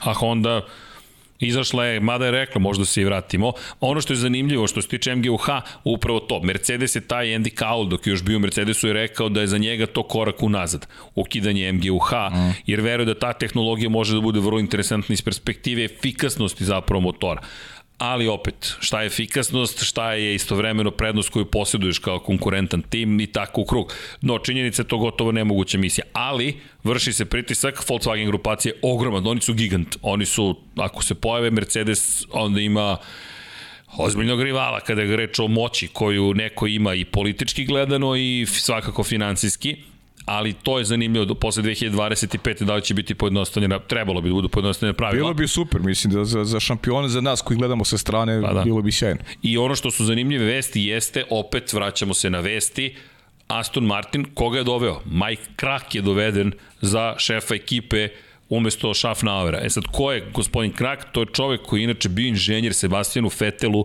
u BMW Zauberu, kada je bio probni vozač Sebastian Vettel, bio inače jedan od glavnih inženjera Zaubera, inače čovek koji je mnogo toga, gledam vesti o Majku Kraku u poslednje vreme i njegova Wikipedia stranica se proširila, biografije na sve strane lete, ali to je čovek koji dolazi iz BMW-a i to je vrlo takođe zanimljivo. Bio je glavni za organizaciju, bio je glavni za, operi, za operaciju, za hajde, operativne aktivnosti i za i vođa inženjera što je ozbiljan posao, u, inače u, u odeljenju za trkanje i testiranje. Tako da dolazak Kraka meni deluje kao potes koji je davno planiran, jer takav čovek ne napušta tim preko noći i to je ono što mi se poklapa s tvojom pričom malo pre tome da je Lorenz Stroll, vlasnik ekipe Aston Martina, i tekako planirao da pa zameni da. Otmara Schaffnauer. Pa nisu slučajno se pojavila informacija još u sred sezone, to je... Šta u novembru su pričali, ja, pričali da, da Schaffnauer odlazi. Tako je. I Tako. Schaffnauer je bio taj moje ubeđenje koje je tražio posao, a ne obrnuto da Aston Martin je izgubio Schaffnauera. Ne, ne, ne. ne. Šta je, gde, šta je Stroll učinio, mislim da je to uradio dobro, sad da li će mu doneti rezultate saznaćemo. Preuzeo je tim, ali nije isekao odmah ekipu i doveo svoje ljude, nego je zadržao one koji su mu ključni, Schaffnauer je bio taj koji je mogao ekipu da održi na okupu dovoljno dugo, da on kaže, e sad dolazi moj čovjek. I ono što je fascinantno sad neko ko spaja Zauber, BMW i sada Aston Martin koji ima vezu s Mercedesom. Tako će krak biti vrlo interesantan. Biće, da, da. Alpine, mislim, Aston Martin okupio dobro ljudstvo, Alpina prošle godine je uradila mnogo, mnogo dobre stvari dovođenjem nekoliko vrhunskih aerodinamičara, tako da a, ima tu, ima zaista onako jedan pogled na, na sledeću sezonu je interesantan. Zaj, mislim da se neće stvari dramatično promeniti u odnosu na tekuću sezonu, ali da da postoje onako, jedne, onako indikacije da da bi timovi poput Alpine, Ferrarija, McLarena mogli da budu bolji. Nadamo se, ja samo ćemo vidjeti koliko mogu da se približe e, Mercedesu i Red Bullu. Meni je ovo, ovo sve super vesti, iskreno govoreći. Pa jesu, naravno. Jedino Alpina mi je malo problematična. Pa kažeš ti, mislim da Alpina prošle godine povukla neke dobre poteze, da su oni imali fokus na, na, na narednu godinu, tačnije novu godinu, na, na, na sezonu koja nas očekuje. Eto, malo sada taj odlazak Alana Prosta malo onako donosi veću dozu sumnje, ali ko zna. Imaju Alonso, imaju Okona, imaju dva dobra vozača, Dolazi Schaffnauer, ajde vidit ćemo šta on može... Dolazi da... Schaffnauer, Francuska koja stoji iza svog projekta, povećava se ulog iz godine u godinu, što je jako bitno, da oni to prati finansijski. Rekao sam ti još onda, ja zaista negde verujem u taj projekat Alpine, žao mi je bilo što Ricardo nije izdržao do kraja ovaj, sa, sa, sa tim projektom, ali Alonso je pokazao da, da nije za starog vožđe, da i dalje ima u njemu te energije i, i volje da, da, da, da se suprostavlja Zamislite može Fernando Alonso da se bori naredne godine, tačno ove godine da se bori za, za, za podijum, to bi konstantno, to konstantno, bi bilo fenomenalno. Ne samo jedan. Hm. O, to bi bilo, vidi, zato me i malo i brine ovo sve što se dešava. Nadam se da neće previše uticati na ekipu, jer Okon ima pobedu, Alonso ima jedan plasan na pobedničko postolje. Dugo smo to čekali, čovjek se vratio sa 40 godina u Formula 1. Inače, njegova najnovija izjava da zapravo mu je to pomoglo što je stariji da je iskustvo iskoristio na pravi način da ova godina bude tako uspešna. Znaš gde ja još vidim prednost Alpine u nekom periodu, tači prednost Alpine? Šansu Alpine da, da, da se iz godine u godinu sve više onako nameće kao, kao neki ozbiljan faktor u, u šampionatu. Veliki broj francuskih vozača koji, koji uh, se pojavljuju i koji imaju potencijal da, da se bori za titulu. Imamo ih u Formuli 2, čekamo neke momke koji se onako kuciju na vrata i Novalak i Puršer pre svega, francuska škola. Mislim da je francuska škola u posljednjih deseta godina nažalost neki momci nisu mi više među nama, ali francuska škola je iznedrila uh, najtalentovanije vozače. Pa to je u posljednjih 10-15 godina, da. definitivno. Da. I to je nešto što, mislim, i francusku državu negde po znacima navoda tera da, da uložu u taj projekat, jer formula je zaista onako jedan Eh, ambasador sportski, jedan veliki ambasador sportski i, i velike zemlje kao što je Francuska sigurno eh, žele da i kroz eh, promociju, kroz sponzorstva svojih vozača da, da, da se onako pozicioniraju i da u neko dogledno vreme jedan francuski vozač osvoji šampionsku titulu, a naravno da je Alpina Renault tačnije da je neko ko, ko, ko celu priču treba da vuče. Inače, kada pričamo o Aston Martinu, da, da zaokružimo priču između njih i Red Bulla, e, kao dinastija, baš je prava španska serija Formula 1.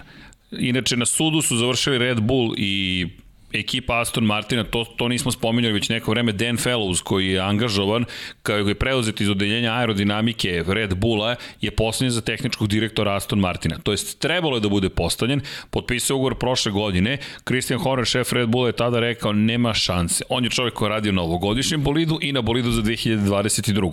Gle, čuda, otišlo je sve na sud i postigli su van sudsko poravnanje. Od 2. aprila Dan Fellows će se pridružiti ekipi Aston Martina. Aston Martin je doveo čoveka iz BMW-a da mu vodi tim. Aston Martin je preuzeo a jednog od glavnih aerodinamičara da mu bude glavni zapravo direktor, čovjek koji, bud, koji će biti tehnički direktor je došao iz Red Bulla. A onda su angažovali neke od ključnih ljudi iz Mercedesa. Pazi kakav tim oni sklapaju. Ako uspeju da stvore koheziju između tih ljudi i nađu načina da funkcionišu, Aston Martin deluje baš ozbiljno. Ne da, ne da nisu neozbiljni, nego su veoma da. ozbiljni. Jesu, ali opet sad pogled, pogled jedan na, na istoriju, istorijski pogled. Naravno. Cele priče. Uh, koja ekipa je s izuzetkom Brone, Bronove ekipe. Ok, je, okay. ne, ne, priča samo, ne priča samo o osvajanju šampionske titule, to je bio kratkoročni jedan period. Naravno. Koja je ekipa koja se, e, novo formirana ekipa u posljednjih 20-30 godina koja uspela da se održi e, u Formuli 1 u jednom e, dužem vremenskom intervalu sa nekim značajnijim, sa značajnijim rezultatima, sa, sa uh, promocijom toga da, da aj, Red Bull, eto, s izuzetkom Red Bull. Koja je ekipa? Pa nema. Nema. Nema, nema si Benetton, ima si Red to Bull. To ti je kao, kao i u drugim sportovima. Kao i u drugim sportovima. Imaš, zna se ko su velikani, centar moći gde je i ti pokušavaš da prosto sebi nađeš negde mesto. Da nađeš u tom univerzumu svoje mesto. Uh, teško da to mesto može u nekom duže vremenskom intervalu da bude da bude uh, u toj nekoj vodećoj grupi i da, i da uh, budeš mamac za ozbiljne vozače i da imaš tu vrstu, tu vrstu kontinuiteta da se boriš za, za najveće uloge. Kažem, izuzetak je Red Bull. Ali pazi sad ovo, pazi sad ovo. Evo kontraargument. Ajde. Ti si danas djavolji advokat. dakle, imamo Ajde. sledeću situaciju koje godine u kojoj su najveće promene koje ćemo videti u Formula 1 u poslednje tri decenije? Ok. Ova. Jeste. Ovo je šansa. Sad Jeste. ne kažem da će ovim potezima imati sve ili ništa. Imaš Sebastijana Fetela, četvorostrukog svetskog šampiona, imaš Lensa Strola, ok, nije loš, bio na pobedničkom postolju, mladi momak, jeste, sin je vlasnika, ali bez obzira, vozi Formula 1 dovoljno dobro. Doveo si nekadašnji šefa BMW-a, možda, mada kasno, to je prošle godine, ne znam, jedna sezona im nedostaje. Nemam odgovor zapravo. Jedini su Benetton, inače, nešto sam malo priločio, unutra je poster Pajo. Morat ćemo ovo da otvorimo. Nećemo uživo to da radimo, Deki i ja smo već zabludili jednom, pa smo Lego sklapali uživo, to je bilo ludo. Ali ćemo ovo da snimimo, pa ćemo da pustimo ubrzano kako se farbao jedan Benetton, ali ima poster unutra. Želim taj poster da, da, da, da, da, da uramimo i da ga zastaklimo.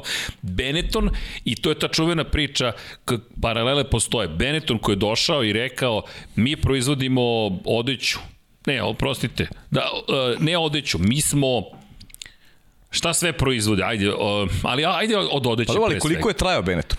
Pa pazi, trajao je, on je skoro 10 godina trajao. Malo i više od toga. Ali koliko je trajao kao pobednički tim i šampionski... Ne, ne mora bude pobednički, da bude tim koji će da ima pa jedan, od 10 godina. jedan kontinuitet... Uh, od ne, 86. Ne do... Ne znam kad je prodat Renault, možda čak i posle 2000, ne mogu da se setim tačno, ali je trajao. Pazi, on je trajao. Ali šta je imao Benetton da bi uspeo? Koliko god ga Deki ne voleo, imao je Flavija Briatore. Tako je imao je nekoga ko je rešio da uspe u Formuli 1 i dve šampionske sezone ono što i takođe ima u to vreme porodica stala iza tog projekta, Benetton je tada mogao, bile dosta, jeste bila skupa Formula 1, ali je bila mnogo jeftinija nego danas. Red Bull kada je ušao, i svi su im se smejali, i govorili šta će ovi proizvođači odeće ovde sa nama, to su neki tamo boje Benettona, bla bla bla, dok nisu počeli da pobeđuju. No, Onda su je, gledali kako se bore protiv njih. To je bilo ono, ono vreme i ekspanziji italijanskog futbola, mislim klubskog, jer tad su, te su porodice imale i neke poreske olakšice, to se drugačije tada, tada regulisalo, pa, pa se u, Jeste. su ta ulaganja u sport išla malo drugačije, dok nije italijanska država to malo zategla, pa onda, onda je sve to počelo da, da puca. Ali ti kažem, moraš da imaš neku realnu potporu i, i finansijsku i, kako, i, i svaku drugu da bi, da bi mnogo da opstaneš u sportu koji je mnogo da se poklope kockice da. da sve funkcioniš. A znaš i sam, a, a, moraš da imaš uspeh da bi mogao da opstaneš u, u ovom Vidi. svetu gde, gde se gde je Ajmo. svaki evro onako mnogo, mnogo, mnogo skup. Vidi, čak i da ne pričamo samo o parama, da li bi iko od nas pamtio Benetton da nisu osvojili dve titule? Pa ne bi, naravno. Ne bi niko. Pričali bismo ne. o tome da li se neko danas seća Erouza. Seća je Cepter bio sponsor Erouza. Cepter sa pa Damonom Hillom. Seti se koliko je to koliko je tebi i meni, meni posebno, koliko ja sam mnogo volao Toyota u ono vreme dok je dok je bila I? pa, pa je nestala, nisu mogli da, dalje, dalje od četvrtog mesta sa, Spomeneš Jarna sa, Trulija i to je to. A da, sa povremenim onako podijumskim pozicijama i, i to je to. E, to je bilo dobro kad je Hill potpisao za Aeros, pa je Cepter postao glavni sponsor, pa je Hill dolazio u Beograd, to je 97. 96. osvojio titulu, to je bilo zabavno. Znaš što ću ti kažem? A, a šta je poente moje priče? Aston Martin mnogo ulaže. Razumem. Mnogo su uložili. To, to je, to je okej. Okay. I, ima, ima, čovjek, ima čovjek novca, nije sporno. Ali srđene, to, to, je, to je rupa bez dna. Ba, naravno. To je rupa bez dna. Tu, tu moraš da počneš da vraćaš sa, sa konkretnim stvarima, mora da se vrati to. Ne znam, Ako ali, nema konkretnih stvari, neće se vratiti ali ništa. pazi, Stroll je čovek koji igra na duge stazi i dobar je biznismen, tako da je meni ovo zanimljiva priča, ali se slažem s tobom, to će biti jedan od većih uspeha ukoliko, ukoliko skinu skalp vodećima. To, a to, je, to će biti vrlo teško. Ozbiljna utakmica. Pazi, Mercedes koji će tek sada biti u osvetničkom raspoloženju, Red Bull koji brani A, titulu, a pritom Ferrari, opet imamo Aston Martin, koji agregat koristi? Mercedes. Mercedes. Vraćamo se na agregate i zašto čekamo 2026. da bismo dobili E, neke nove e, motore. mislim da do tada treba da prežive timovi Da. poput Aston Martina, McLarena, da tek tada će se njima otvoriti šansa da prave nešto veće. Zato mislim da tu Red Bull ima oz- ozbiljnije, ozbiljnije resurse, ne, ne, Red Bull- ozbiljnija pozicija da ugrozi Mercedes i naravno Ferrari koji treba da bude taj faktor 3. Ferrari treba da bude taj faktor 3. E, koliko je Ferrari sposoban da, da, da dovede sebe do pozicije da se uključi u tu bitku, to je veliko pitanje. Dodaš McLaren i dobio si 40% Formule 1 da se bori za titulu. Pošto je to 4 od 10 ekipa. Dovoljno što se mene tiče. Da li bih volio svih 10? Da. Vanja Vanja digao dva ima, ima amandman. nakon Benettona, Posle Benettona pita Vanja, dobro? nakon Red Bulla. Posle Red Bulla? Ko bi mogao da bude treća kompanija da uđe u Formule? Nemam pojma, Vanja. Pa znaš da. ko bi mogao? Neko iz kripta, tako je. Jer ako pogledaš trendove, Crypto.com je novi sponsor u ono što se tu meni dopada, kripto je uglavnom zero sum game. Šta to znači? To znači da neko mora da izgubi da bi neko dobio. Ne stvara se nova dodata vrednost u kriptovalutama. Ako, to je kan, ako kaniš pobediti, ne smiješ izgubiti. Tako je, tako je. Ne, ali pa to je, to je vrlo jednostavno. Cijela priča je tu spin jedan veliki, gde ti veruješ da nešto vredi više i onda mene zovu mama i tata. Jer će pozdrav za mog tatu. Tata i mama su mi u Čileu, tati nešto nije bilo dobro, ali u četu je mama. Ja pozdravim i mamu. Pozdrav za majku. Kako je tata? To je tatu. pitanje. Tata nam je završio malo u bolnici, ali dobro, prima antibiotike, malo ima zapalenje pluća, ali nije COVID. Tata drži se, da, da znate, možda ću da zbrišem za Čile, da, pošto tata, moramo da vodimo računa o tati. Tako ali je. da, ta porodica, kažem vam, mazite se i pazite se, vodite računa jedni u drugima. Neko je prokomentarisao 99 yardi da uvek sa muškarcima gleda naše emisije i da mu je neprijatno kad kaže mazite se i pazite se. Nemojte shvatiti to bukvalno i da se mazite s muškarcima, mene to ne interesuje, ali pojenta je u sledećem. To je vaša stvar, nego je pojenta mazite se i pazite se u svakom smislu te reči. Poželite dobro jutro jedni drugima. Recite, ej, želim ti lep dan, pozovite mamu, pozovite tatu ako ste u mogućnosti. Jednog dana, nažalost, nećete biti u mogućnosti. Pozovite ih, oprostite im ako su nešto uradili loše. Šta da radite? Svi smo mi ljudi. Ili, ne znam, pozovite nekoga s kim ste se posvađali, pa pokušajte ponovo, pa ako ne uspije, kažete, ja sam probao i tako dalje. To je pojenta, mazite se i pazite se. Da, da budemo ljudi, pre svega, pogotovo što se trenutno emituju poruke tipa ko je jači, ta, on je u pravu. Ne, ajmo da budemo civilizovani, to je point. Tako da pozdrav ko je dao taj komentar, ali nisam bukvalno, i ako neko voli, ne kažem s kim, da nego ako ste u prilici da ste u nekom društvu koje vama odgovara, pa mazite se i bukvalno. Ali sačekajte da prođe Lab 76, udrite like, udrite subscribe, kupite naše majice, evo čak i Smiki Baki reklamira Brazil specijal. Smiki Baki, vidio sam. Mi Rekao, da, nos, lu, potpuno je u svom elementu. Da, tu su i bedževi. Inače, kada pričaš o ovome, Vanja, kripto bi možda mogao da bude, jer kripto ima tu količinu novca, pri čemu to je igra koja ko zna koliko će trajati, ja verujem da kripto neće tek tako nestati, već suviše para je u igri da bi nestao.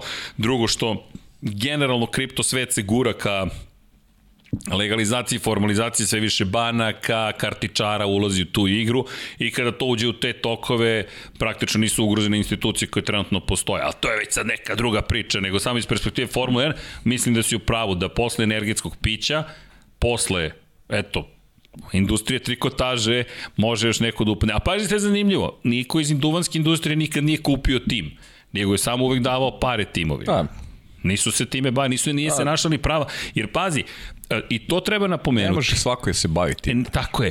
Vajo, dve stvari mislim da moraju da se dese. Da vlasnik kompanije kaže, ok, uđite u Formulu 1, ozbiljno, druga stvar zapravo, uđite ozbiljno u Formulu 1 i treća, da nađeš čoveka Tako, poput pa to. Flavija Briatorea ili Kristijana Hornera koji će da te odvede do cilja. Jer Kristijan Horner se dosta pocenjuje, on čovjek ima 31 godinu kad je postao šef ekipe. I doveo je Adriana Njuija. Maski Tesla. Kako? Maski Tesla. Maski Tesla. Nema tu para, Vanja. Maske u parama, tako da to nije previše interesantno. Ja volim njegove, njegov SpaceX program, ali za one koji ne znaju, kada se pitate zašto lansira konstelaciju satelita komunikacijonih, zato što će time komunicirati londonska i njurška je- berza brže i dobijaće više para. To jeste faktor uspeha Red Bulla. Kad si video ti vlasnika kompanije na trci u garaži, si ga video nekad? Pa samo u Austriji se pojavi. Ali on je Čovjek, propustio. čovjek, je, čovjek je dao ljudima koji znaju, on je uložio sredstva. Marko, tako je Christian dao, Horner. ne pravi se pametan oko stvari u koje se on, u koje se on ne razume, on, i, i to je to. I to je, to je put do uspeha. On je rekao, hoću to, hoću titulu. Pa to, to, je ono što smo, to smo pričali iz početka emisije, znaš, to je ono jedan čovek kada se pita, znaš, ljudi često hoće da se pitaju o stvarima kojima nemaju pojma, znaš, to je, e, to ti je uspeh, uspa, jeste. Pa t, nije, op- nije problem neznanje. Problem je iluzija znanja. To je James Borstin iz- izjavio. To je kada neko ko ne zna, tvrdi da zna. U redu je da ne znate, samo kažeš ne znam, mogu da naučim, ali u ovom momentu to. ne znam. Jedino ako vam život zavisi od toga da slažete, ali nema potrebe, nije problem neznanje, samo iluzija znanja je problem od svih silnih problema. Ali kad pričaš o parama, Marka izbacila plate za 2022. pa mi je to bilo zanimljivo, vozača Formula 1. Dakle, izvori Marka, koliko možemo se pouzdamo, juče su izbacili plate. Ko je prvi? Vanja? Lewis Hamilton, 35 miliona evra. Max Verstappen je drugi sa 22 miliona. E, znate ko je treći?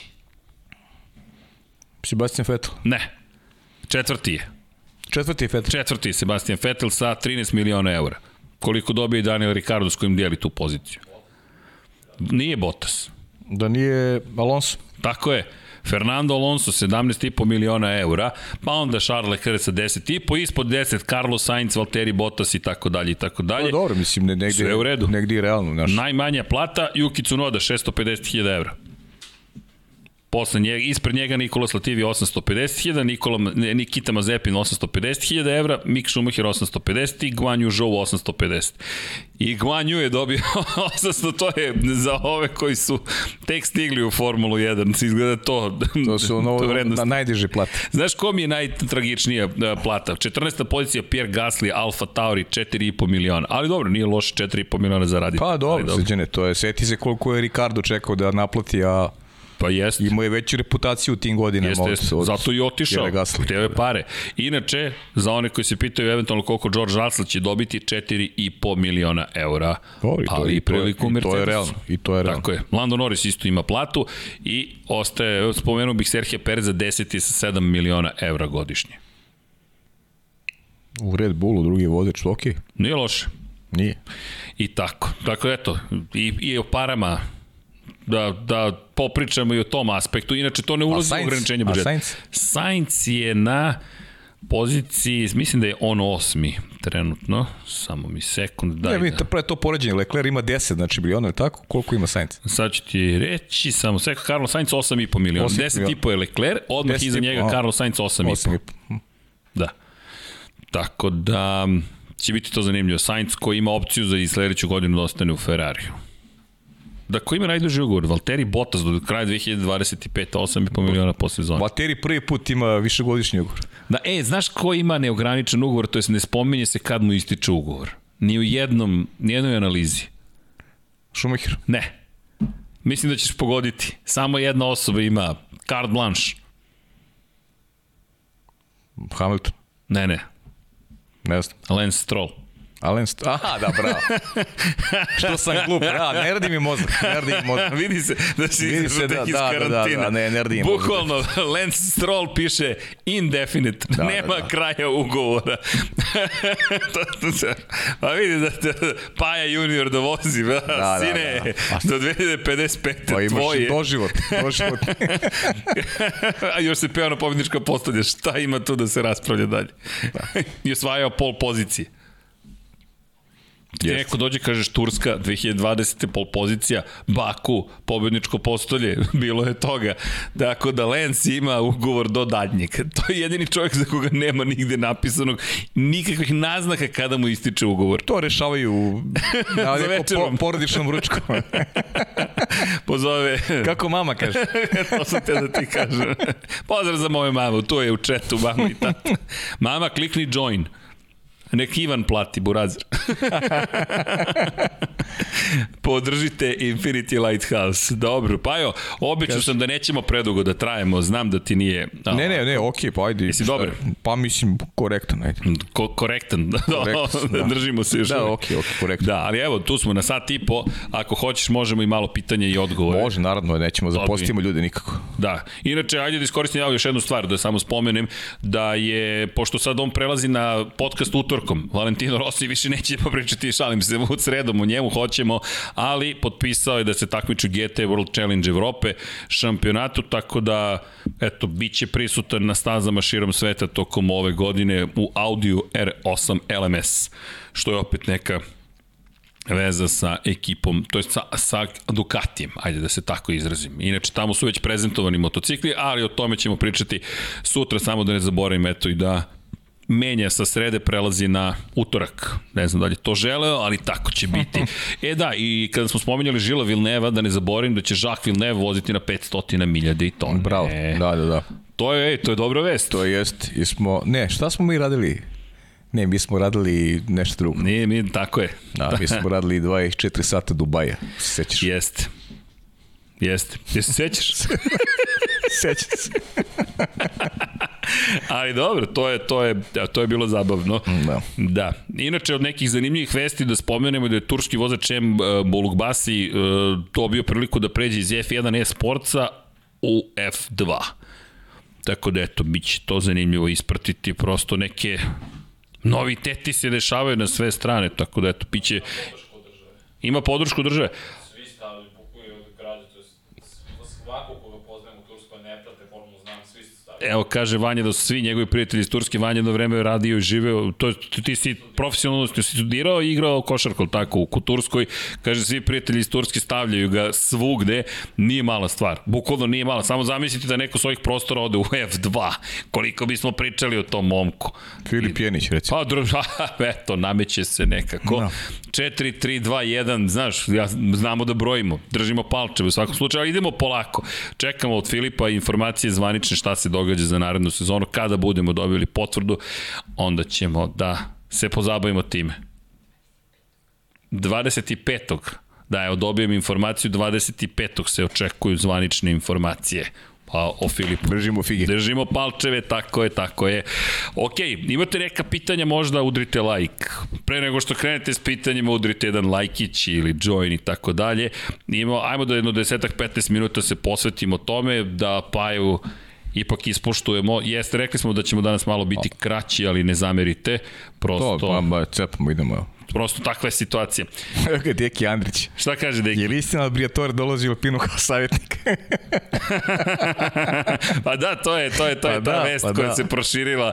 Jest. Ja mislim koliko god da ljudi ne vole Flavija Briatore, njegove poteze toliko svi žele da ga vide u Formuli 1, pošto to garantuje, evo ovo vam garantuje, zabavu svakako, a i mislim da je on toliko u svojoj nemilosrdnosti profesionalan da bi tu Alpinu naterao da bude pobednička, bukvalno. E, Da li Pavle prati Partizan? Bojan Milunović? Ne. Pa pratim, mislim, pratim, ali košarku pratim više. Pratim, mislim. Košarku, uglavnom košarku. E, a i futbol, to je Pa, s- odustao? Pa slabo, zaista. Posljednjih godina baš slabo. Posljednjih godina, nije posljednjih godina, deseta godina već, prilično slabo. Da, da, dobro. Evo zanimljivo pitanje. E, Dakle, pitanje je za tebe, ali cenim da je za obojicu. Ko je glavni aerodinamičar, ko je glavni čovjek za aerodinamiku u McLarenu? McLarenu? U McLarenu, pa? Peter Promodrow bi trebalo da, da, da je, da. Peter Promodrow bi trebalo da je glavni inženjer za Aerodinamiku, a? Jeste? Da, ali ima, ne, ima još neko. Ima više, sigurno. Pa misli, svaki ekipa ima više aerodinamičara. Salter je bio, ali nisam siguran sada uh, kakva im je. Moram da pogledam kakva je sada struktura pošto su oni menjali to na kraju 2019. Evo što je dobro, to je dobro pitanje koliko se nismo njima bavili zapravo, ko je mm. zapravo glavni ovaj zaredno. Ali mislim da je Promodrovu, to je bila to je opet bila neću reći scena oko njegovog prelaska, ali Promodrovu je napustio zapravo Adrian Newey i Red Bull da bi prešao u McLaren. E, da vidim, o, poče da mi tiltuje računar, dobro. Može preporuka koja zimska prvenstva pratiti u autosportu do proletnih trka. Jao, switcheru, LH44. Pa, koju pratiti? Za malo da zaboravim, a to sam rekao da ćemo spomenuti, a to su informacije o zapravo početku sezone kada je reč o Extreme e-racingu. 19. 20. februara moći ćete u Neumu u Saudijskoj Arabiji da pratite prvu trku, u maju je u Sardini, pa posle idu na Ocean X Prix bit će potvrđeno gde će se voziti, u Čileu će biti u septembru Antofagasta i kraj sezone će biti u Punti del Este u Urugvaju. Lepo je Punta del Este, to mogu da vam potvrdim. Ako se otvori planeta Zemlja i bude moguće putovati, uf, to bi bilo idealno. Pa je. Sjajno. To bi bilo idealno, jedna Punta del Este. A, dakle, da, ali Extreme E je zanimljiv, pošto će tu biti i McLaren. Ono što je meni tu fenomenalno jeste ta priča o četiri tima koje će McLaren zapravo imati ove sezone i gledati prosto kako se takmiče, meni je makar zanimljivo, tako da eto, uz Luisa Hamiltona koji ima svoj tim, uz Nika Rosberga, vidjet ćemo McLaren. Mada se ove godine to menja, Veloće, McLaren, Andretti i da li je Abt, nisam siguran, su timovi koji su potvrđeni za, za ovu sezonu. Prošle godine smo imali Rosberga i Hamiltona, mada je Rosberg dosta uzbuđen oko Extreme E. Ali koji da prate? Pa eto, Dakar je prošao, NASCAR, NASCAR obavezno. Kada počinje NASCAR, Pajo? Uh, februar 8. Da, ili 9. Da čini mi se. Kada je prva? Evo dajte nam sekund samo da prorimo, ali pogledajte NASCAR, pogotovo prvu trku sezone. NASCAR je specifičan pa, da. šampionat po tome što je najveća trka sezone, prva trka Daytona. sezone. Tako je. Proveri, mislim da je neki početak. Au, 8. i 9. februar. Ne, ne, 17. februar, 17. 20. februar je zvanično 500 milija Daytona. A ovo vidiš nešto kasnije, znači ovo. Ali, slušaj ovo, pa je. 6. februara Bush Light Clash at the Colosseum. Na, u Los Angeles memorialnom koloseumu će da voze. Clash trku. Clash trku. Ovo nisam ispratio. Ljudi, ako imate vremena, 6. februara, pogledajte Clash trka je inače trka u kojoj oni voze sa starim automobilima iz prethodne sezone i tu baš ne vodi mnogo računa o tim automobilima, tako da ima tu svega, ima mnogo ovaj ne vodi računa ni ovo godišnjim, ima mnogo čukanja, ima mnogo svega, tako da je Clash trka baš zabavna i dobro uvertira, ali na tim Clash trkama se ranije godine dešavalo da recimo Kyle Busch je tu polomio nogu, recimo na Clash trci. To je naša prva trka. Prva trka prva trka radili. koju smo ikad I, on, i on je tada, on, on je te godine osvojio šampionsku titulu, interesantno je. Ne, ne, da, da, to, i to iako je propustio prvih 11 trka. 11 trka je propustio, da. da. I onda je jurio da uđe u play-off, ušao u play-off i osvojio titulu. Uzo četiri vezane pobede, ušao Jest. na mala vrata u play-off i osvojio titulu. To tada je Kurt Busch bio njegov brat, velika zvezda Busch porodice. Mada on tad imao probleme s nasiljem u porodici. Kurt je tad baš... Pa on imao probleme s nasiljem u porodici, Kale tad polomio nogu, baš je bila onako turbulentna faza za, za porodicu Bush. Jeste, posle se je povučena ta tužba, Kyle je osvojio titul. Ali, ali su tada unapređene, unapređene je bezbednost. Jeste. Eto, baš zbog tog incidenta u Clash trci Kajla Buša, tako da nismo imali od tog momenta bukvalno ni jedan incident u kome je neki od vozača doživao prelom, recimo, eto. Pavle, a znaš šta smo zaboravili da spomenemo? Šta? A to je da stiže nova generacija, next gen automobili. Tako da će ovaj Clash biti poslednja prilika da gledate automobile iz prethodne godine. Da. I, o, i, I pazi, to su automobili koji ničemu više neće služiti. Dakle, ovaj Clash u Koloseumu će da bude ozbiljna priča. Misli da, da, da su prikladno izabrali da bude u Koloseumu. Tako je i to čuveni Los Angeles. Biće, biće to groblje automobila. Čekaj, to, to je, ljudi, to je Koloseum, Koloseum. To da, je da. proprište olimpijskih igara u Los Angelesu 1984. Biće super. Ok, ja želim da gledam tu trku, dakle, to, to, Koloseum 6. februara. A, sedam dana kasnije, Super Bowl u Los Angelesu. Amerika zove, zapadna obala zove i tekako. Eto, to vam je preporuka obavezno. Ništa, da nije, ništa nije slučajno, da. Ne, da, ništa nije slučajno. Eto, tako da to ozbiljno gledajte. Zamislite da se Ford vrati Nemanja Jović. Uf, da se Ford vrati bilo bi savršeno. Još da uđe Porsche, na primjer, ili Audi, I već, već, već Porsche da se pojavi, to je ozbiljna priča. Porsche ili Audi neće ulaziti tek tako. Pa do, Ford da se vrati ima još, Mnogo. još onako jaču ovaj, dimenziju u celoj priči. Da. Mislite da bi onda bilo još više interesenata i za, i za ulaganje i za neki prosperitet Formula 1. Inače, Zvonimir Papić pita u slučaju dobrog početka sezone Ferrari, koga će ekipa izabrati iz vozača broj 1? Pa ekipa je rekla da neće imati podelu na vozače 1 i 2, to su već izjasnili, ali ali mislim da okolnosti u sezoni mogu da ih navedu da, da promene odluku. Mislim da, da, da sigurno neće situaciju tumačiti kao što je to bilo u slučaju Vettel Raikkonen, da, će, da su tu lekciju naučili.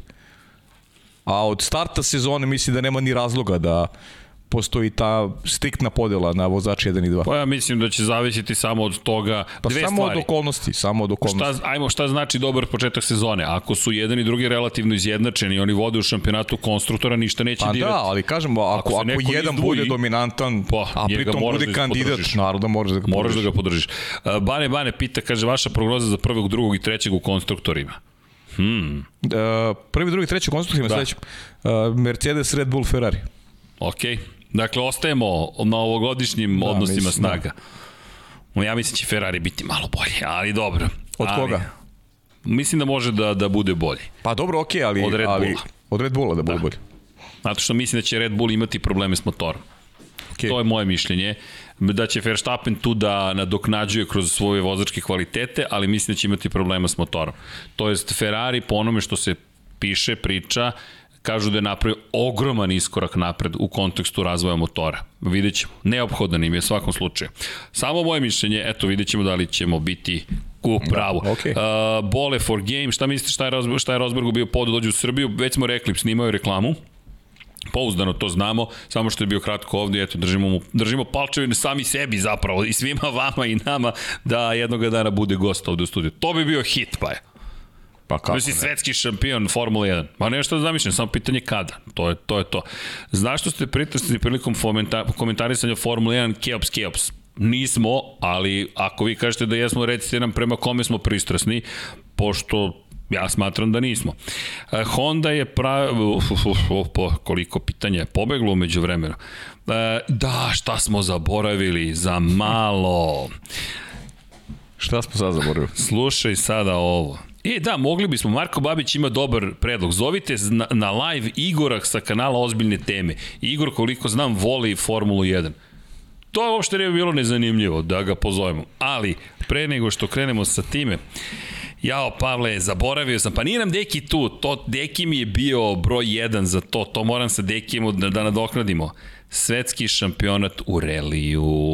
E, to je i Deki Andrić. Svetski šampionat piše u da- reliju, to kreće 20. januara, dakle, to je ono što je mnogo Da, bitno, Deki za traži, dva dana smo. da, Deki traži neki specijal, ovaj Deki uvek voli specijale Pa. i predlaže Igora Markovića i tako. E, Znate kako, Igor i, i, i, i Deki zajedno, to bi bilo idealno, pogotovo što ovo nova era, hibridna, zamola, kako sam to zaboravio? Ljudi, nema šta, uz NASCAR obavezno gledajte Rally Monte Carlo. Sad, on je malo manje prilagođen televiziji kao sport. Rally jednostavno je zahtevniji iz te perspektive, ali je zato ukoliko ste u mogućnosti, a bit ćete u mogućnosti 21. 2. 3. i 4.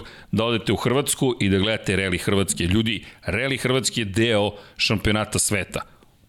Formula 1 u reliju vam je u komšiluku ili u vašoj državi ukoliko ovo gledate iz Hrvatske, obavezno idite. To je Obavezno. aprilu, ja verujem da će biti mnogo lakše ove godine prisustovati događaj. Prošle godine niko nije prisustovao, bilo je dosta prolaznika, ali... Da, ali, ali ali ti prolaznici koji su bili su oduševljeni. Oduševljeni. Oduševljeni. I organizacijom Jeste. i svem, svime što su videli, tako da E, sad je možda pravi trenutak, Paju, da, da, da se sve, odužimo. sve čestitke i Hrvatskoj na organizaciji i, i imaju zašta budu ponosni, pa i mi što je, to imamo priliku da da ovaj da su nam tako blizu da da možemo da gledamo da gledamo reli. I ono što bi bilo super jeste da sada pozovemo neke od ljudi iz Relije Hrvatski da vidimo da to organizujemo zajedno s Igorom Markovićem da nam dođu To u bi goste bilo pa da super. se ispričamo To sa bi njim. bilo super. Mislim da bi to zaista bila prava stvar.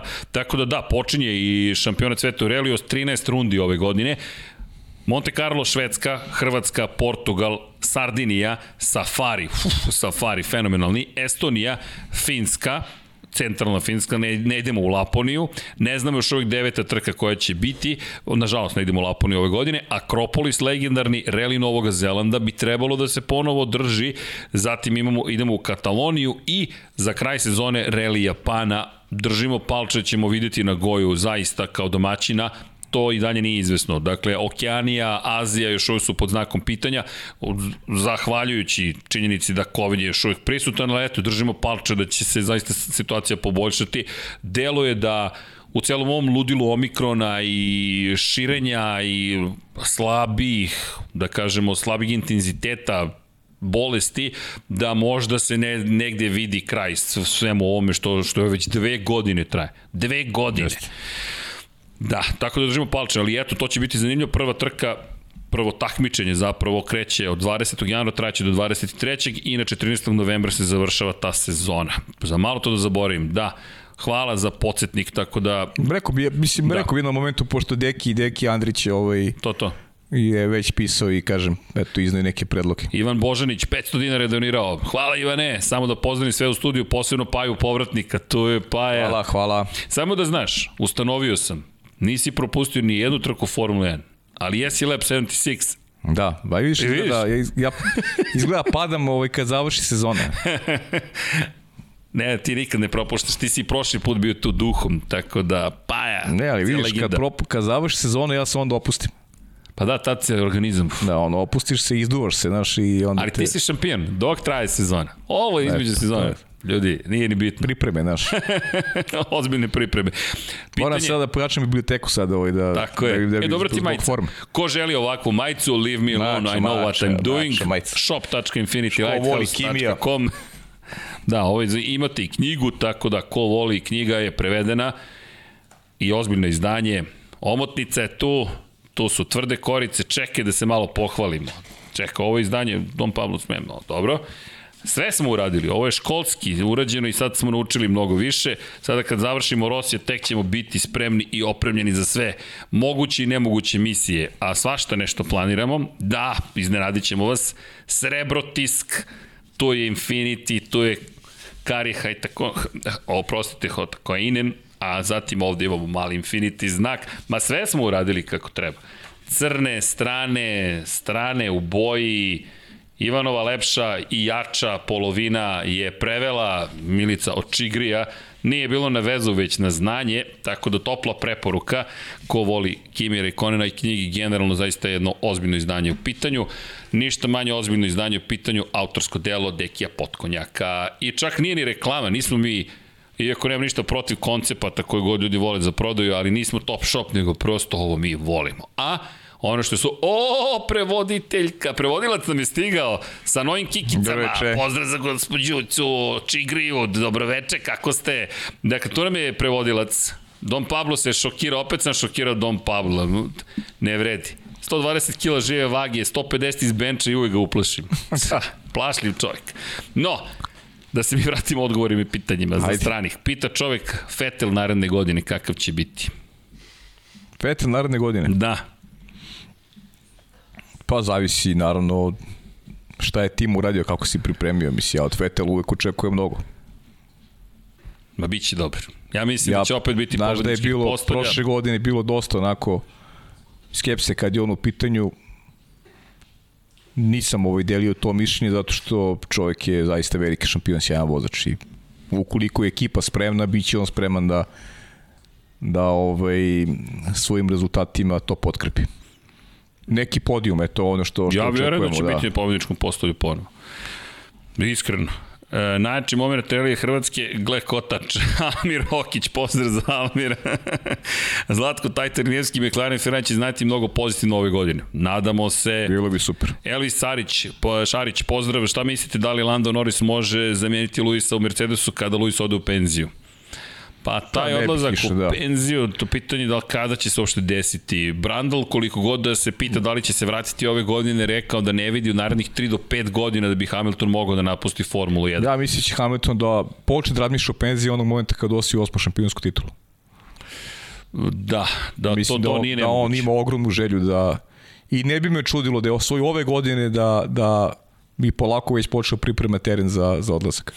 Da, evo Bane Bane kaže VRC na Red Bull TV od petaka uveče oko 22. Eto, tako da ko prati Red Bull TV, još jedna streaming platforma, topla preporuka. Emin Šu- Šu- Šubašić, zašto pocenjujete pod navodnicima čeka? Mislim da će biti bolji jer ipak ovo ćemo biti druga godina u Red Bullu. Pa nismo čak ni izneli da. mišljenje za ovu godinu. Nismo, da, nismo ni pričali o čeku uopšte. Ja mislim da ćemo biti ozbiljno ove godine. Pa da, ali... Top znaš, pet u- redovno. U, u, kom smislu? Pa meni top 5 mislim da će imati Pa redovno. to je, mislim da, da I to to, je to. nešto, pazi, sad opet, opet da ne upadnemo u tu zamku, jer, jer a, mi očekujemo da se stvari neće dramatično promeniti u odnosu na ovu godinu, ali vidjet ćemo šta će doneti prva trka.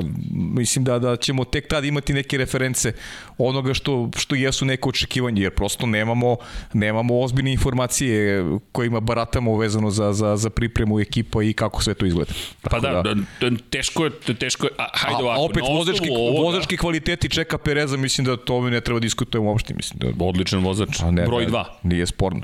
To je to, nije kalibar Hamilton Verstappen. Pa, propustio je tu priliku u jednom momentu kada je mogao negde sebe da profiliše možda kao vozača broj 1, ono McLaren, to je bila šansa, e, figurirao je za prelazak u Ferrari, nije se McLaren dogodio. je baš bio nesrećan splet okolnosti. Jest, u momentu jest. kada odlaziš u veliku ekipu koja tada pobeđuje, ti dobijaš baš loš bolid. Ne dobiješ ništa. Da, i gubiš odjednom reputaciju. Inače, McLaren fans Srbija, ne znam za koga navijaju, vaše da. Mišljenje, da, novi bolide za ovu sezonu, koliko će biti adekvatni za vožnju po kišnim uslovima? Hmm, ne, Pa ne nemoguće, nemoguće pitanje. Ono što kažu trenutno vozači, kada reč o simulatorima, pošto će ovo biti dosta teži bolidi, preko 47-6 kg više će imati, da, da će biti teži za upravljanje. Tako da se tu sada već postavlja pitanje kako će to funkcionisati u kišnim uslovima. Šta je Pirelli pripremio? Znamo da će točkovi biti većeg zapravo prečnika, znamo da će biti niskoprofilne gume i znamo da je drugačiji izgled, pogotovo na prednjem kraju. Tako da, ne znam iskreno. Ono što se takođe postavlja kao pitanje uz efekat tla i tunele koje ćemo imati aerodinamičke, koji će omogućiti praktično da se usisa bolid ka tlu, kako će, šta će izbacivati u toj celoj priči kada se najde na pljusak to- točkovi pozadi, pa onda to preusmeravanje, iako će vazduh da ide, odlazi mnogo više, ne znam kako će biti zavesa ta vodena koju će stvarati. Tako da mnogo pitanja na koje još uvek nemamo odgovore. E, ali, čekamo prvu trku pa da svi zajedno pa, Pa budemo da. pametniji i prve bolide. Ljudi još malo, početkom februara stiže Aston Martin ako neko pre toga već ne predstavi bolid. Inače, Muhammed Hajdari pita je li bolje za ovu sezonu da imate visoki ili niski nagib? Pretpostavljam rake, dakle uh -huh. zadnjeg kraja i hoće li Aston Martin ići Mercedesovim stopama ili svojim kao što je bilo sa Racing Pointom?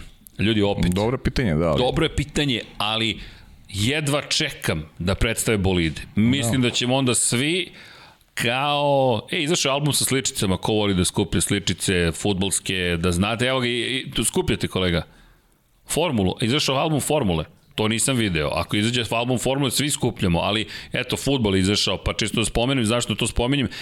Pa zato što je zabavno, ali Kada govorimo o visokom niskom nagibu, baš me to asociralo. Dakle, ko sličice ćemo da gledamo sve fotografije, pa ćemo saznati, čekamo da vidimo da li će biti pull rod, push rod, kako će biti rešenje za prednji kraj, za zadnji kraj. Ništa ne znamo, ljudi, to ovo je prvi put da apsolutno ništa ne znamo. Imamo simulatore o kojima se priča. Red Bull koji kaže da inače deluje da je u problemima, s obzirom na kasni početak razvoja bolida, to su rekli i Perez i Verstappen, Međutim, opet, koliko je to istina, koliko mogu da procene, oni će ljudi tek 20. februara biti na stazi.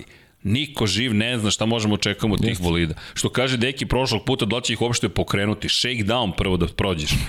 pa bukvalno. I, i shod o tom pitanju, evo pitanje Danila Nedeljković, da li mislite da će Haas osvojiti neki bod sledeće sezone? Mislim Pa da kažem, hoće. da. Pa- Ali zašto? Znači- Evo argumenti. Koji argument? Tri Nis, argumenta. nisu osvojili prošle Tri godine. argumenti, D- između ostalog, ali pazi, prvi argument, potpuno su nova pravila, mislim da se tu svakom ne, ukaže neka prilika. Druga stvar, potpuno nova pravila, verujem da će uticati na veći broj otkazivanja bolida. Mislim da će pouzdanost biti manja. Ne pre, bukvalno bez presedana je pouzdanost bolida koju smo imali u prethodnih nekoliko godina. Bez presedana. Bukvalno, ljudi, to, ranije, kada bi se trka završila da su svi vozači dostigli do cilja, to bi bilo, to, to, to, to, to je statistička greška bila, anomalija. Ali to je sada postala norma. Međutim, ako se vratimo na početak hibridne ere, Hamiltonova prva trka nije završena uopšte, nije počeo, njemu je otkazala svećica. Jedna od šest svećica je otkazala na bolidu Mercedesa. E... E, ja sam rekao, lepota naredne sezone je to što ništa ne znam. Tako je. I to je lepota naredne sezone, što zaista je Jedno. Na ta pitanja je zaista teško odgovarati i više onako zvuče kao neko proročanstvo, više Tako je. ne, ne, ne temelje se na nekim, na nekim realnim informacijama i eto, to je to. Pozdrav celoj ekipi, do kad, je, do kada Daniel Ricardo ima ugovor, da li mislite da ako ne pokaže bolje rezultate neće biti u McLarenu naredne godine? Koliko ja se sećam, samo da. Ricardo 2023. mu ističe ugovor, Či još dve godine. Je li tako beš, on je potpisao ili je bio dvogodišnji ugovor, moram da proverim, ali najkasnije na kraju sledeće godine i sad, ukoliko ne pokaže bolje rezultate, Ricardo je pobedio prošle godine. Ljudi, on je pobedio. Možda, Pobedi u Monci. u Monci. I doneo je prvu pobedu posle 9 godina ekipi McLarena. Možda to nama sa strane deluje kao pa trebalo je više da uradi. Ali Ljudi, on je pobedio. On ide na zid u Pa muzej. da, ali na osnovu čega tražimo od njega da uradi više? Pa možda je to utisak samo. Prva godina u McLarenu Da. i ti si došao do pobede prve godine u McLarenu. Znači 2023. To je to. Pa do to je kraja to, znači, još- još 2023. dve godine. I koliko znam imaju opciju da produže ugovor sa njime. Da. Da. Prošle godine, Ja Daniel mislim, Ricardo, mislim osmi u da, da više njegova budućnost zavisi od toga kako će izgledati McLaren, a ne od toga kako će voditi Ricardo. Moguće. Moguće. Moguće, ali vidi, hajde ovako, samo da se vratimo korak unazad. Ricardo je dakle doneo tu pobedu. On je u grupi malobrojnih ljudi koji su slavili u McLarenu, malobrojni, svi su to malobrojni ljudi, ali on je u grupi legendi. To su Jenson Button, Lewis Hamilton, Ayrton Senna, David Coulthard, Mika Hakkinen, Kimi Raikkonen, Juan Pablo Montoya, on tu stoji kao jedan od tih pobednika, on je u muzeju McLarena. Posetite muzeje, ukoliko ikad budete u prilici, Ferrari, McLaren, Mercedes, pa i Red Bull. Tad može da se oseti šta su ti ljudi On postigli. je jedan od tih vozača koji će možda pamtiti kao, kao momke koji su imali potencijal, a nisu uspeli da dođu do šampionski titul. Da li ti on deluje kao Mark Webber? Da, obojice su australijanci, ali to je taj Moram ti priznam da, da, da je meni on bolji vozač od Marka Webera. Ok, ok, slažem se. I Da upečatljiviji je, ali kad pogledaš rezultate, to bi moglo da bude to. Pa to bi moglo da, rezultatski da. I bojim se da je već došao u fazu karijere kada neće imati priliku da se da se bori za šampionsku titulu, da je već ulazi onako u eru čeka Pereza. E, to je sad to pitanje. A Da li onda da ga otpuštaš? Da li bi ga otpustio? Ti imaš čoveka koji može ti donese Ne, pobedu. ne, nije ja, ja, ja, ja, ga, ja ga ne bi otpustio, dokle god je tu Lando Norris, mislim da je ovo dobar spoj koji McLaren ima. Gde on neće ugroziti... Gde, ti nemaš nominalno vozača jedan ili dva. Nemaš. Ali Norris je zvezda budućnosti, a ovo je čovek koji je stabilan i može ti donese rezultat. Tako je. E, ali opet s druge strane, uh, on je neko ko ima karakter i neko ko sigurno neće uh, dozvoliti da Lando Norris bude taj koji će protežiran po svaku cenu biti od strane ekipe. On će se radije povući i otići na, na neko drugo mesto. Pa otići će u još neku ekipu, a ima timova koji će želeti Daniela Sigurno, Ricarda. sigurno. Jer nema baš takvih vozača tako mnogo. Mislim da je, da je on pokazao kakav je karakter uh, odlaskom iz, iz Red Bulla. I zvezda je. Ljudi ga Jeste, vole. jeste to zvezda. isto uzmite u obzir kada Jeste, kalkulišemo. harizmatičan, harizmatičan, sjajan vozač, pra, onako prava je zvezda. A potrebno vam je i to. Da i da prodate majici, da prodate kačkete i da ga imate na društvenim mrežama, da daje intervjue, da se smeje i to je takođe njegova uloga. I nije Jeste. mala uloga. Pa to je pogotovo što, što sport danas nije samo nije samo sport, nego je, nego je velikim delom, možda i većim delom marketing. Show business. Pa, mislim, danas sam baš ovako polemisao sa prijateljem vezano za uh, eto, Cristiano Ronaldo. On sigurno sa 35 godina nije neko koga, od koga očekujete da a priori nosi ekipu da vuče tim sa 35 godina, ali je zato sa sobom vuče nešto drugo. A to je marketing i, i dalje na njemu se dosta zarađuje. Pa samo izjaviš, samo izgovoriš njegove ime i prezime i to, to je to. to. Bukvalno to je to. Dobro, čekaj da vidim još neka pitanja, ima ih puno, hvala na tome, nego samo da odgovorimo još još par i onda polako da da se odjavljujemo, da pustimo okay. Paju da odmar. Pitanje za Srki, da li je video klip od prošlog podcasta koji sam poslao ekipi u toku istog? Aha, znam šta je. Koji? Nisam video. Moram vam priznati da nisam video. Hoćeš da pustiš, Vanja? Ako imaš. Evo sad će Vanja to da nađe. Gagi DMD pita. Uh, Daniel Devetak, jedva čekam da krene hvaljenje sa Rosijevom knjigom. Jao, Daniele, ne čekate samo vi, svi mi čekamo da krene hvaljenje sa Rosijevom knjigom, verujte, toliko smo uzbuđeni. Ne zamerite što kasni, zaista je kompleksan mnogo projekat i moja odgovornost za sve što se tu događa, ali činjenica da nas je viša sila baš opalila po glavi, no naučili smo, sada smo još neke procese preuzeli pod svoju kapu, kuću Infinity Lighthouse-a, pa ne damo više da čak ni viša sila utiče na nas. Mi imamo pajnu silu uz nas, ona je jača od više sile. Pajnu silu. e pa imaš svoj emoji, Čoveče, čekaj, za one koji ne znaju, oni koji su mađi, mađioničari, svetioničari, mađioničari, to će biti sledeći nivo. Imaš Paja Cool, evo sad sam upravo pustio. Tako da, da, da, pa da cool. znate. Uh, va, imaš taj klip, Vanja, nemam pojma o čemu se radi. Uh, svih ovih dobro. što se tiče pravih. A, vidio sam. Ja, ovo je ja predivno. Ja. ja sam vidio, da, da, da. Pozdrav. To, ne znam, ne znam koliko će biti, jer i dalje COVID diktira tako. O tome tek vredi razmišljati i kada pogledamo situaciju, inače... Neću da, neću da spavam, gledam podcast. Kada Novaku neću Udri like. tu temu nemoguće misije, otvorit ću samo iz perspektive sporta i držat ću si dalje. Pa vidi bebu. I od ovih. Novak Đoković i sve što ima da kaže reći sam, reći će na terenu, reći će sa ljudima koji njega predstavljaju, ostati u svemu tome takođe će reći svoje, pa će onda možda... Ok, hvala za ovaj klip. Fantazija. Ali kada reći...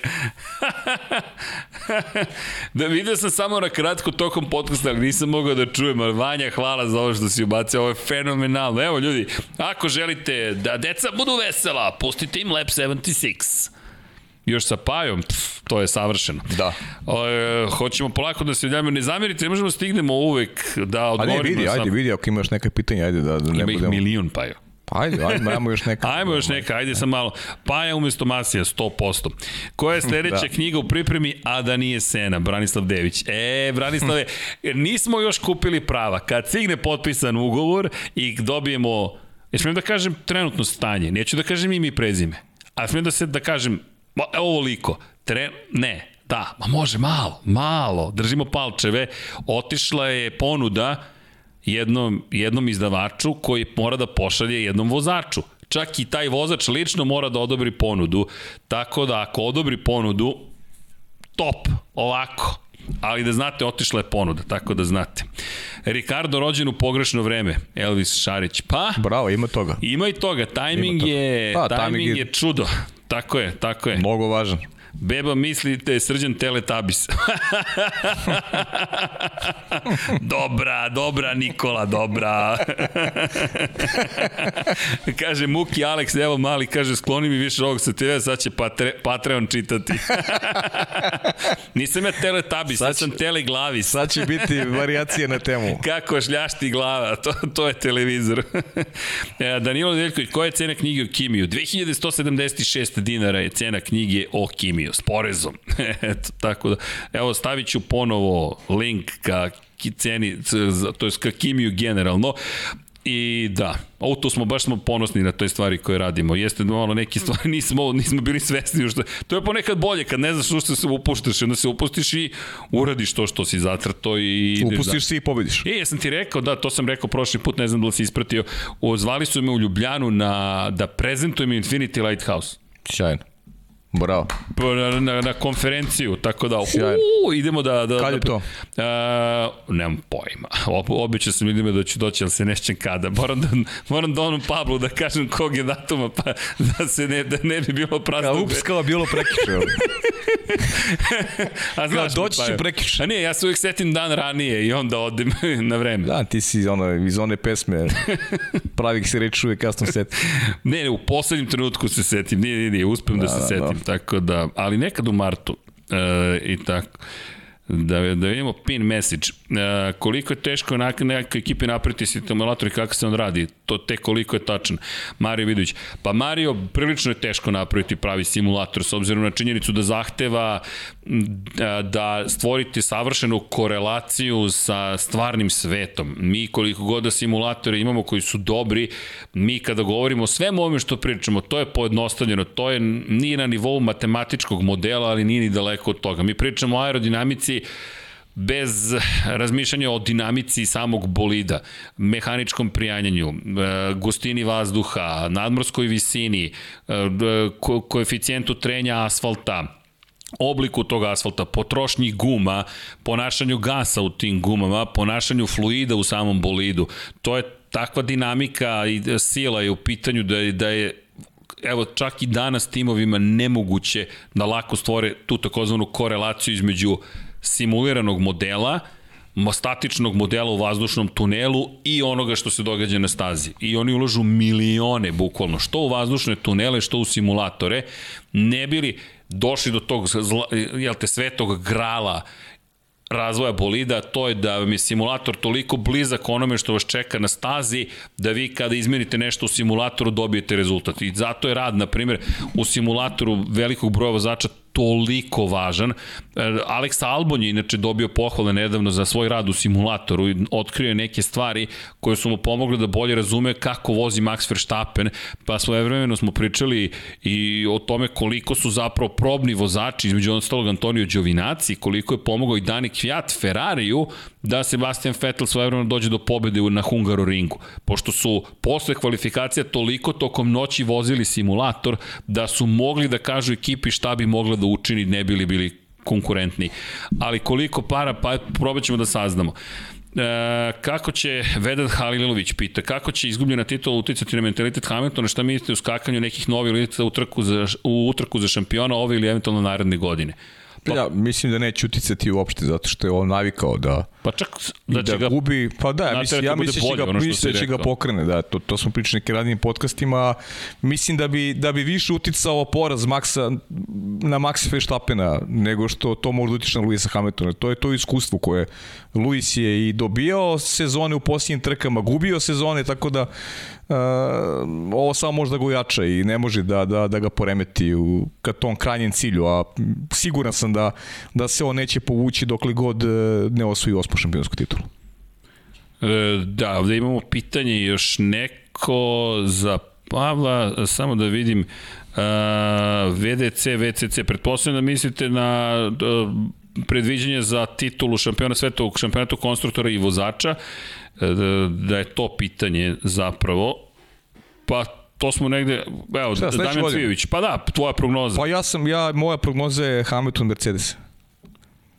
Ok. Za sledeću, za ovu godinu. Stvari. McLaren fans, ako želite da beba brzo zaspi, samo pustite podcast i umili glas srđane će odmah uspati. Tako je. To, a, a, a, to je lepo. To je, to je, to je, to. Evo, Damjane, čuli ste. Uh, Nikola Stanišić, gdje se mogu detaljno vidjeti pravila za narednu sezonu i da li može da navedeš neka ključna? U, pa, pa to ćemo poseban podcast. Pratite ovaj da. kanal.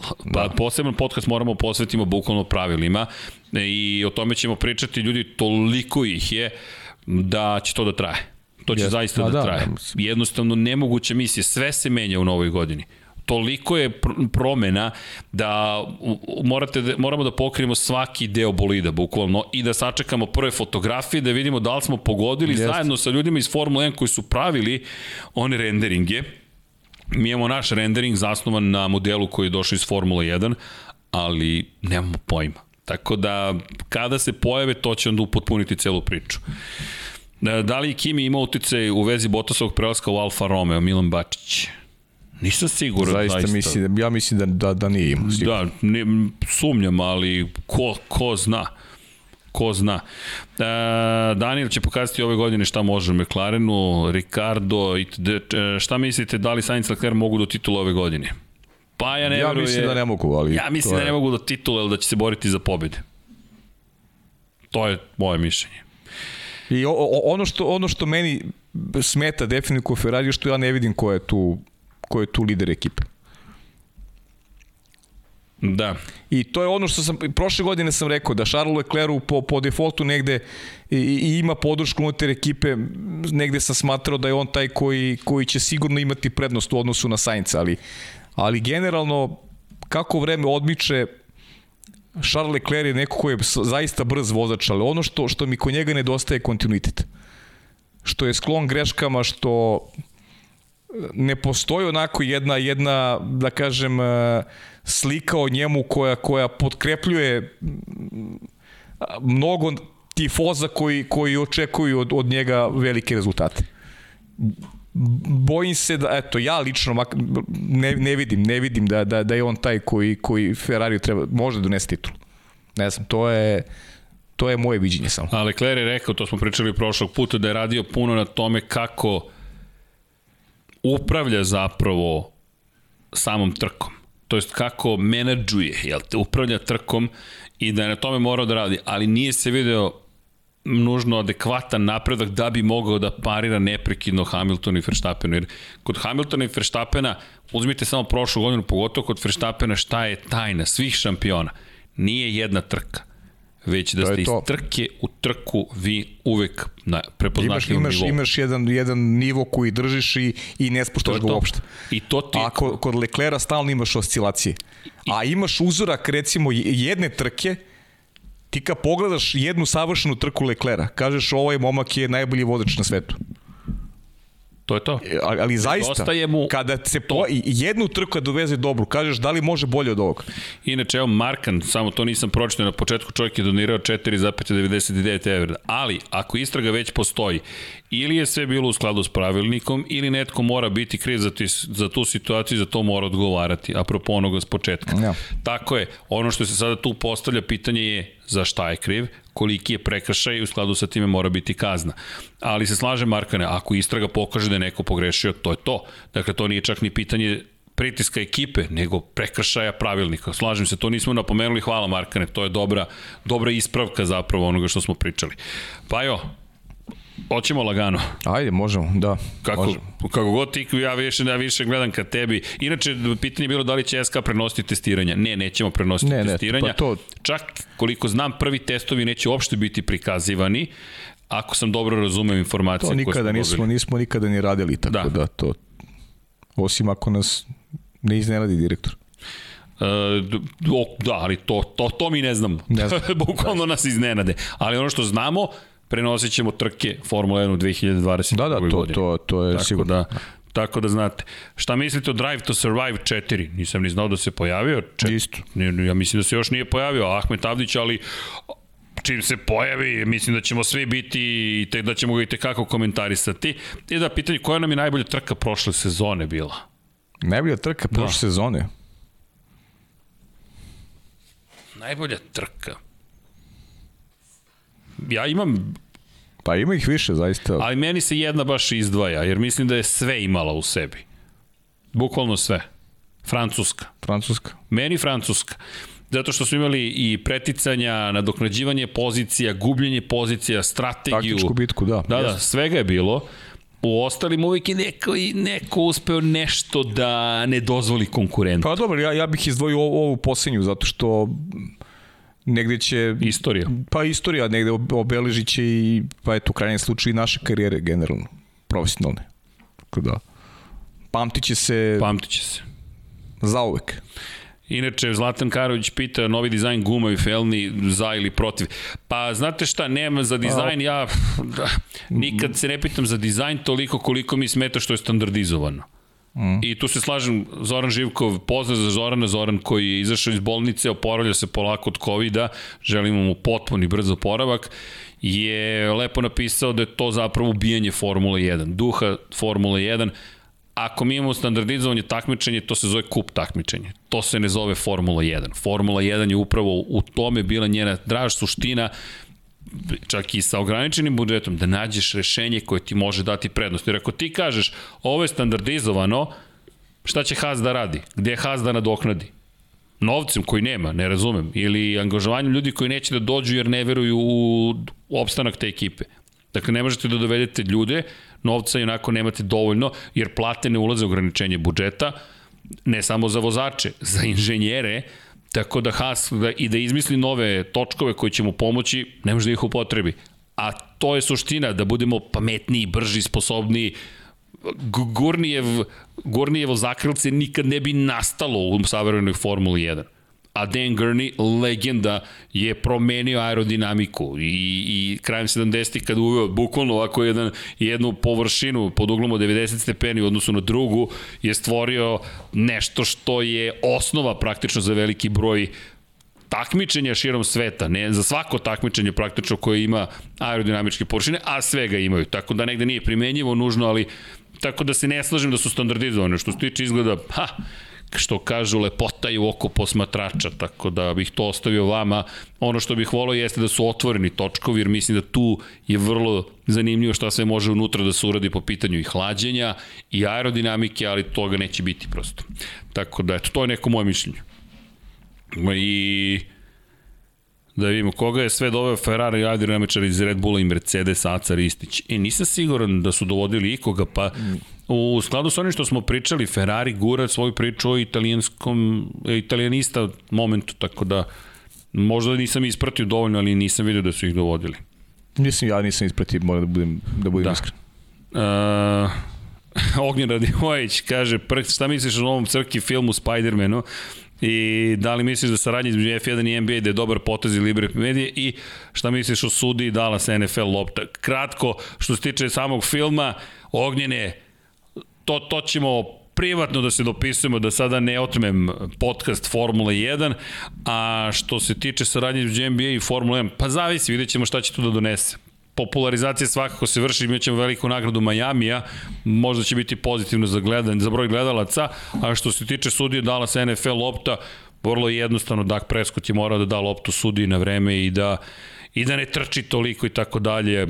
Sudija šta je uradio? Pa probiti se kroz ofazinu liniju profesionalnog tima američkog futbola u NFL ligi i postaviti loptu, pričemu on mora da je postavi tamo gde mora da je postavi, negde je Doug Prescott postavio, nije lako. Ne vidim nikakav skandal, mislim da je sramota što su Mike McCarthy kao glavni trener i Doug Prescott našli žrtvene jaganjce u sudijama a ne u svojoj nemogućnosti da na domaćem terenu uopšte dođu do dovoljnog poroja poena, a da ne da se vade u poslednjoj sekundi. Tako tipično u sportu. Tako je, krivi sudija. Jest, vala baš. Pogotovo što mi nismo znali pravilo da moramo da mu damo loptu. Okej. E, tako da ne, moje mišljenje da, malo drugačije nego Preskota i Mekartija, ali da ne odemo predaleko i tako dalje. Da, da završimo sa Novajlijom, sa koji više to nije. Danilo Nedeljković, da li misli da Juki može da nastavi dobro da vozi kao na kraju sezone i da li može do podijuma? Da, i da je moj odgovor. Eto, to je moje mišljenje. Mislim da je Juki, Juki je pratilo kroz celu karijeru da vrlo brzo ovlada bolidima. Formula 1 je teža, zahtevnija, ne samo po pitanju bolida, već pritiska koji se osjeća deluje mi da je Juki uspeo da dođe do željenog nivoa, počeo da pobeđuje Pjera Gasly u kvalifikacijama, to je već velika stvar. Da li može da podima? Da. Zašto? Zato što se sve menja u Formuli 1 i bit će tih ludih trka kao 2012. To je moja prognoza. Da će biti bolji nego prethodne godine, deluje da hoće. Imamo tih posljednjih 5-6 trka da je bio zaista dobar, a za podijum mislim da mislim da ne može. Eto, čuli ste, Paja, ne zaboravite onaj koji bolje prognozira, tako da... Ali nije, nije, nije, to sad, nije, nije to sad zbog Jukija kao, ne znam, neko podciljivanje njegovo ili nema kvalitet, nego prosto čini mi se da, da, da će sa, sa, novim, sa novim pravilima malo manje imati lufta po znacima navoda ekipa Alfa Taurija za, za uh, značajno bolje rezultate. A navikli smo da ih gledamo i na, na podijskim pozicijama tokom prethodnih godina. Bojim se da će im sada, da će im sada taj prolaz do podijuma biti mnogo teži nego ranije godine. E, izvini, samo Vuk Stanković pita da li će biti onih detalja novih na Valetovoj majici ili ipak ništa od toga. Sad ne znam na koje detalje... Kako? Da, ne sećam se, sam spomenuo neke nove detalje za Rosijevu majicu. Ne znam, ljudi, podsjetite me, molim vas, Vuče, zaboravio sam. A što se tiče pitanja, vidim, Damjan pita, nismo, dali smo samo top 3. Pa kako da damo top 10, ko će biti gde? Ajde ovako, šta si ti rekao, Hamilton osvaja titulu? Ja sam rekao Hamilton Mercedes, Hamilton Red Bull Ferrari sam rekao. A, ovako, ja kažem Hamilton, druga pozicija, mislim da, da Pazi sad ovo, ne, evo je luda prognoza. Carlos Sainz će biti drugi, pa Max Verstappen, pa onda dolazi Lando Norris, pa Sergio Perez, pa... Ne, ne, ne, Charles Leclerc mora da bude peti, ša ili četvrti. Sergio Perez, George Adam i George Russell, kakva gužva u vrhu, paju, nemoguća misija, a ovo, ovo će da bude drama. George Russell, de Ja ne bih išao tako daleko. Mo, mogu, jedino što očekujem da, da se neće promeniti poredak drastično odnosno na ovu godinu i da će opet Hamilton i Verstappen neće to biti Hamilton prvi i Max drugi da će samo zameniti to je to je moja prognoza. Ovi ostali ne, ne znam koliko su koliko će timovi biti spremni. Nadamo se da će konkurencija biti jača, da će samim tim trke biti neizvestniji, da će uključiti još neke momke u borbu za pobede, ali da se odnos snaga neće, neće drastično promeniti. Ljudi, evo, kažu Enen Russell osvaja. To je poruka. Ljudi, vidjet ćemo. Evo prognoze Boško. Leclerc, Sainz, Max, Russell, Alonso, Perez, Gasly. A pazite ljudi koliko ljudi ima šansu da postigne dobre rezultate. Va, a mi smo u januaru. 18. je januar. No, da ne bismo stigli do 19. ga obećao sam pa i da nećemo trajati 3 sata. Hvala vam ljudi, udrite like, udrite subscribe, udrite join ili idite na patreon.com kroz, Infinity Lighthouse, posetite shop.infinitylighthouse.com Ima divnih stvari. Da, nama je to takođe podrška, možemo da nastavimo da radimo još bolji, pametniji, brže i sposobniji i tako dalje i neke lepe stvari takođe da ostvarimo, nove knjige da objavimo, bit će još stvari tokom ove godine. Stiže i nova majica, stiže svemirski teleskop iz Kosmos 76, to ćemo uskoro da ubacimo u prodavnicu, stižu i nove majice za Formulu 1, ali Rossi nam je sad fokus da, da dođe u štampariju i da onda budemo preponosni na Valentina Rosija i objavu koju imamo, a to je sve moje trke, knjiga Meta Oaksleya na preko 300 strana, monografija, sve je u boji, mnogo priča, mnogo lepih stvari, opisane su sve. 432 trke koje ikad vozi u šampionatu sveta, plus određene trke iz šampionata Evrope, tako da od 1995 do 2021 svaka trka zvanična Valentina Rosija u motociklizmu je opisana. Neverovatno, zaista svaka čast Metu Oaksliju da je svako opisao i imate rezultat svake. Impresivno je zaista i preponosni smo. Matt Oaksley nas je zapravo, zapravo je Matt kriv za sve. Nismo ni planirali da saopštimo da smo kupili prava, ali je Matt kada je video zapravo verzija u koju ćemo odštampati na Twitter stavio da izlazi knjiga. Se sećate toga? Nismo mi imali plan da saopštimo to. Met, ti si kriv za sve. Šalim se, naravno, hvatam, hvala Met Oaksley i kao autor i kao nekome ko nas je podržao. Ljudi, nadam se da ste uživali, hvala vam za vreme, mi vam želimo prijatno veče, uživajte u pripremama za novu sezonu, radite neke lepe stvari, vozite simulatori, vi sami igrajte igrice, čitajte knjige, idite u biblioteku, lepo se provedite. Paja nam je tu, da pustimo Paju da nam odmori i naravno sledeće nedelje se vidimo. Sutra vidjet ćemo da li će Deki biti tu ili ne, ali neko će nam se pridružiti svakako za Moto Grand Prix. Držimo Deki u palče takođe da se oporavi, a naravno držimo i palče zato što je to sada novi format za lajkovanje. Sviđaš mi se, lajk. Evo dan palac.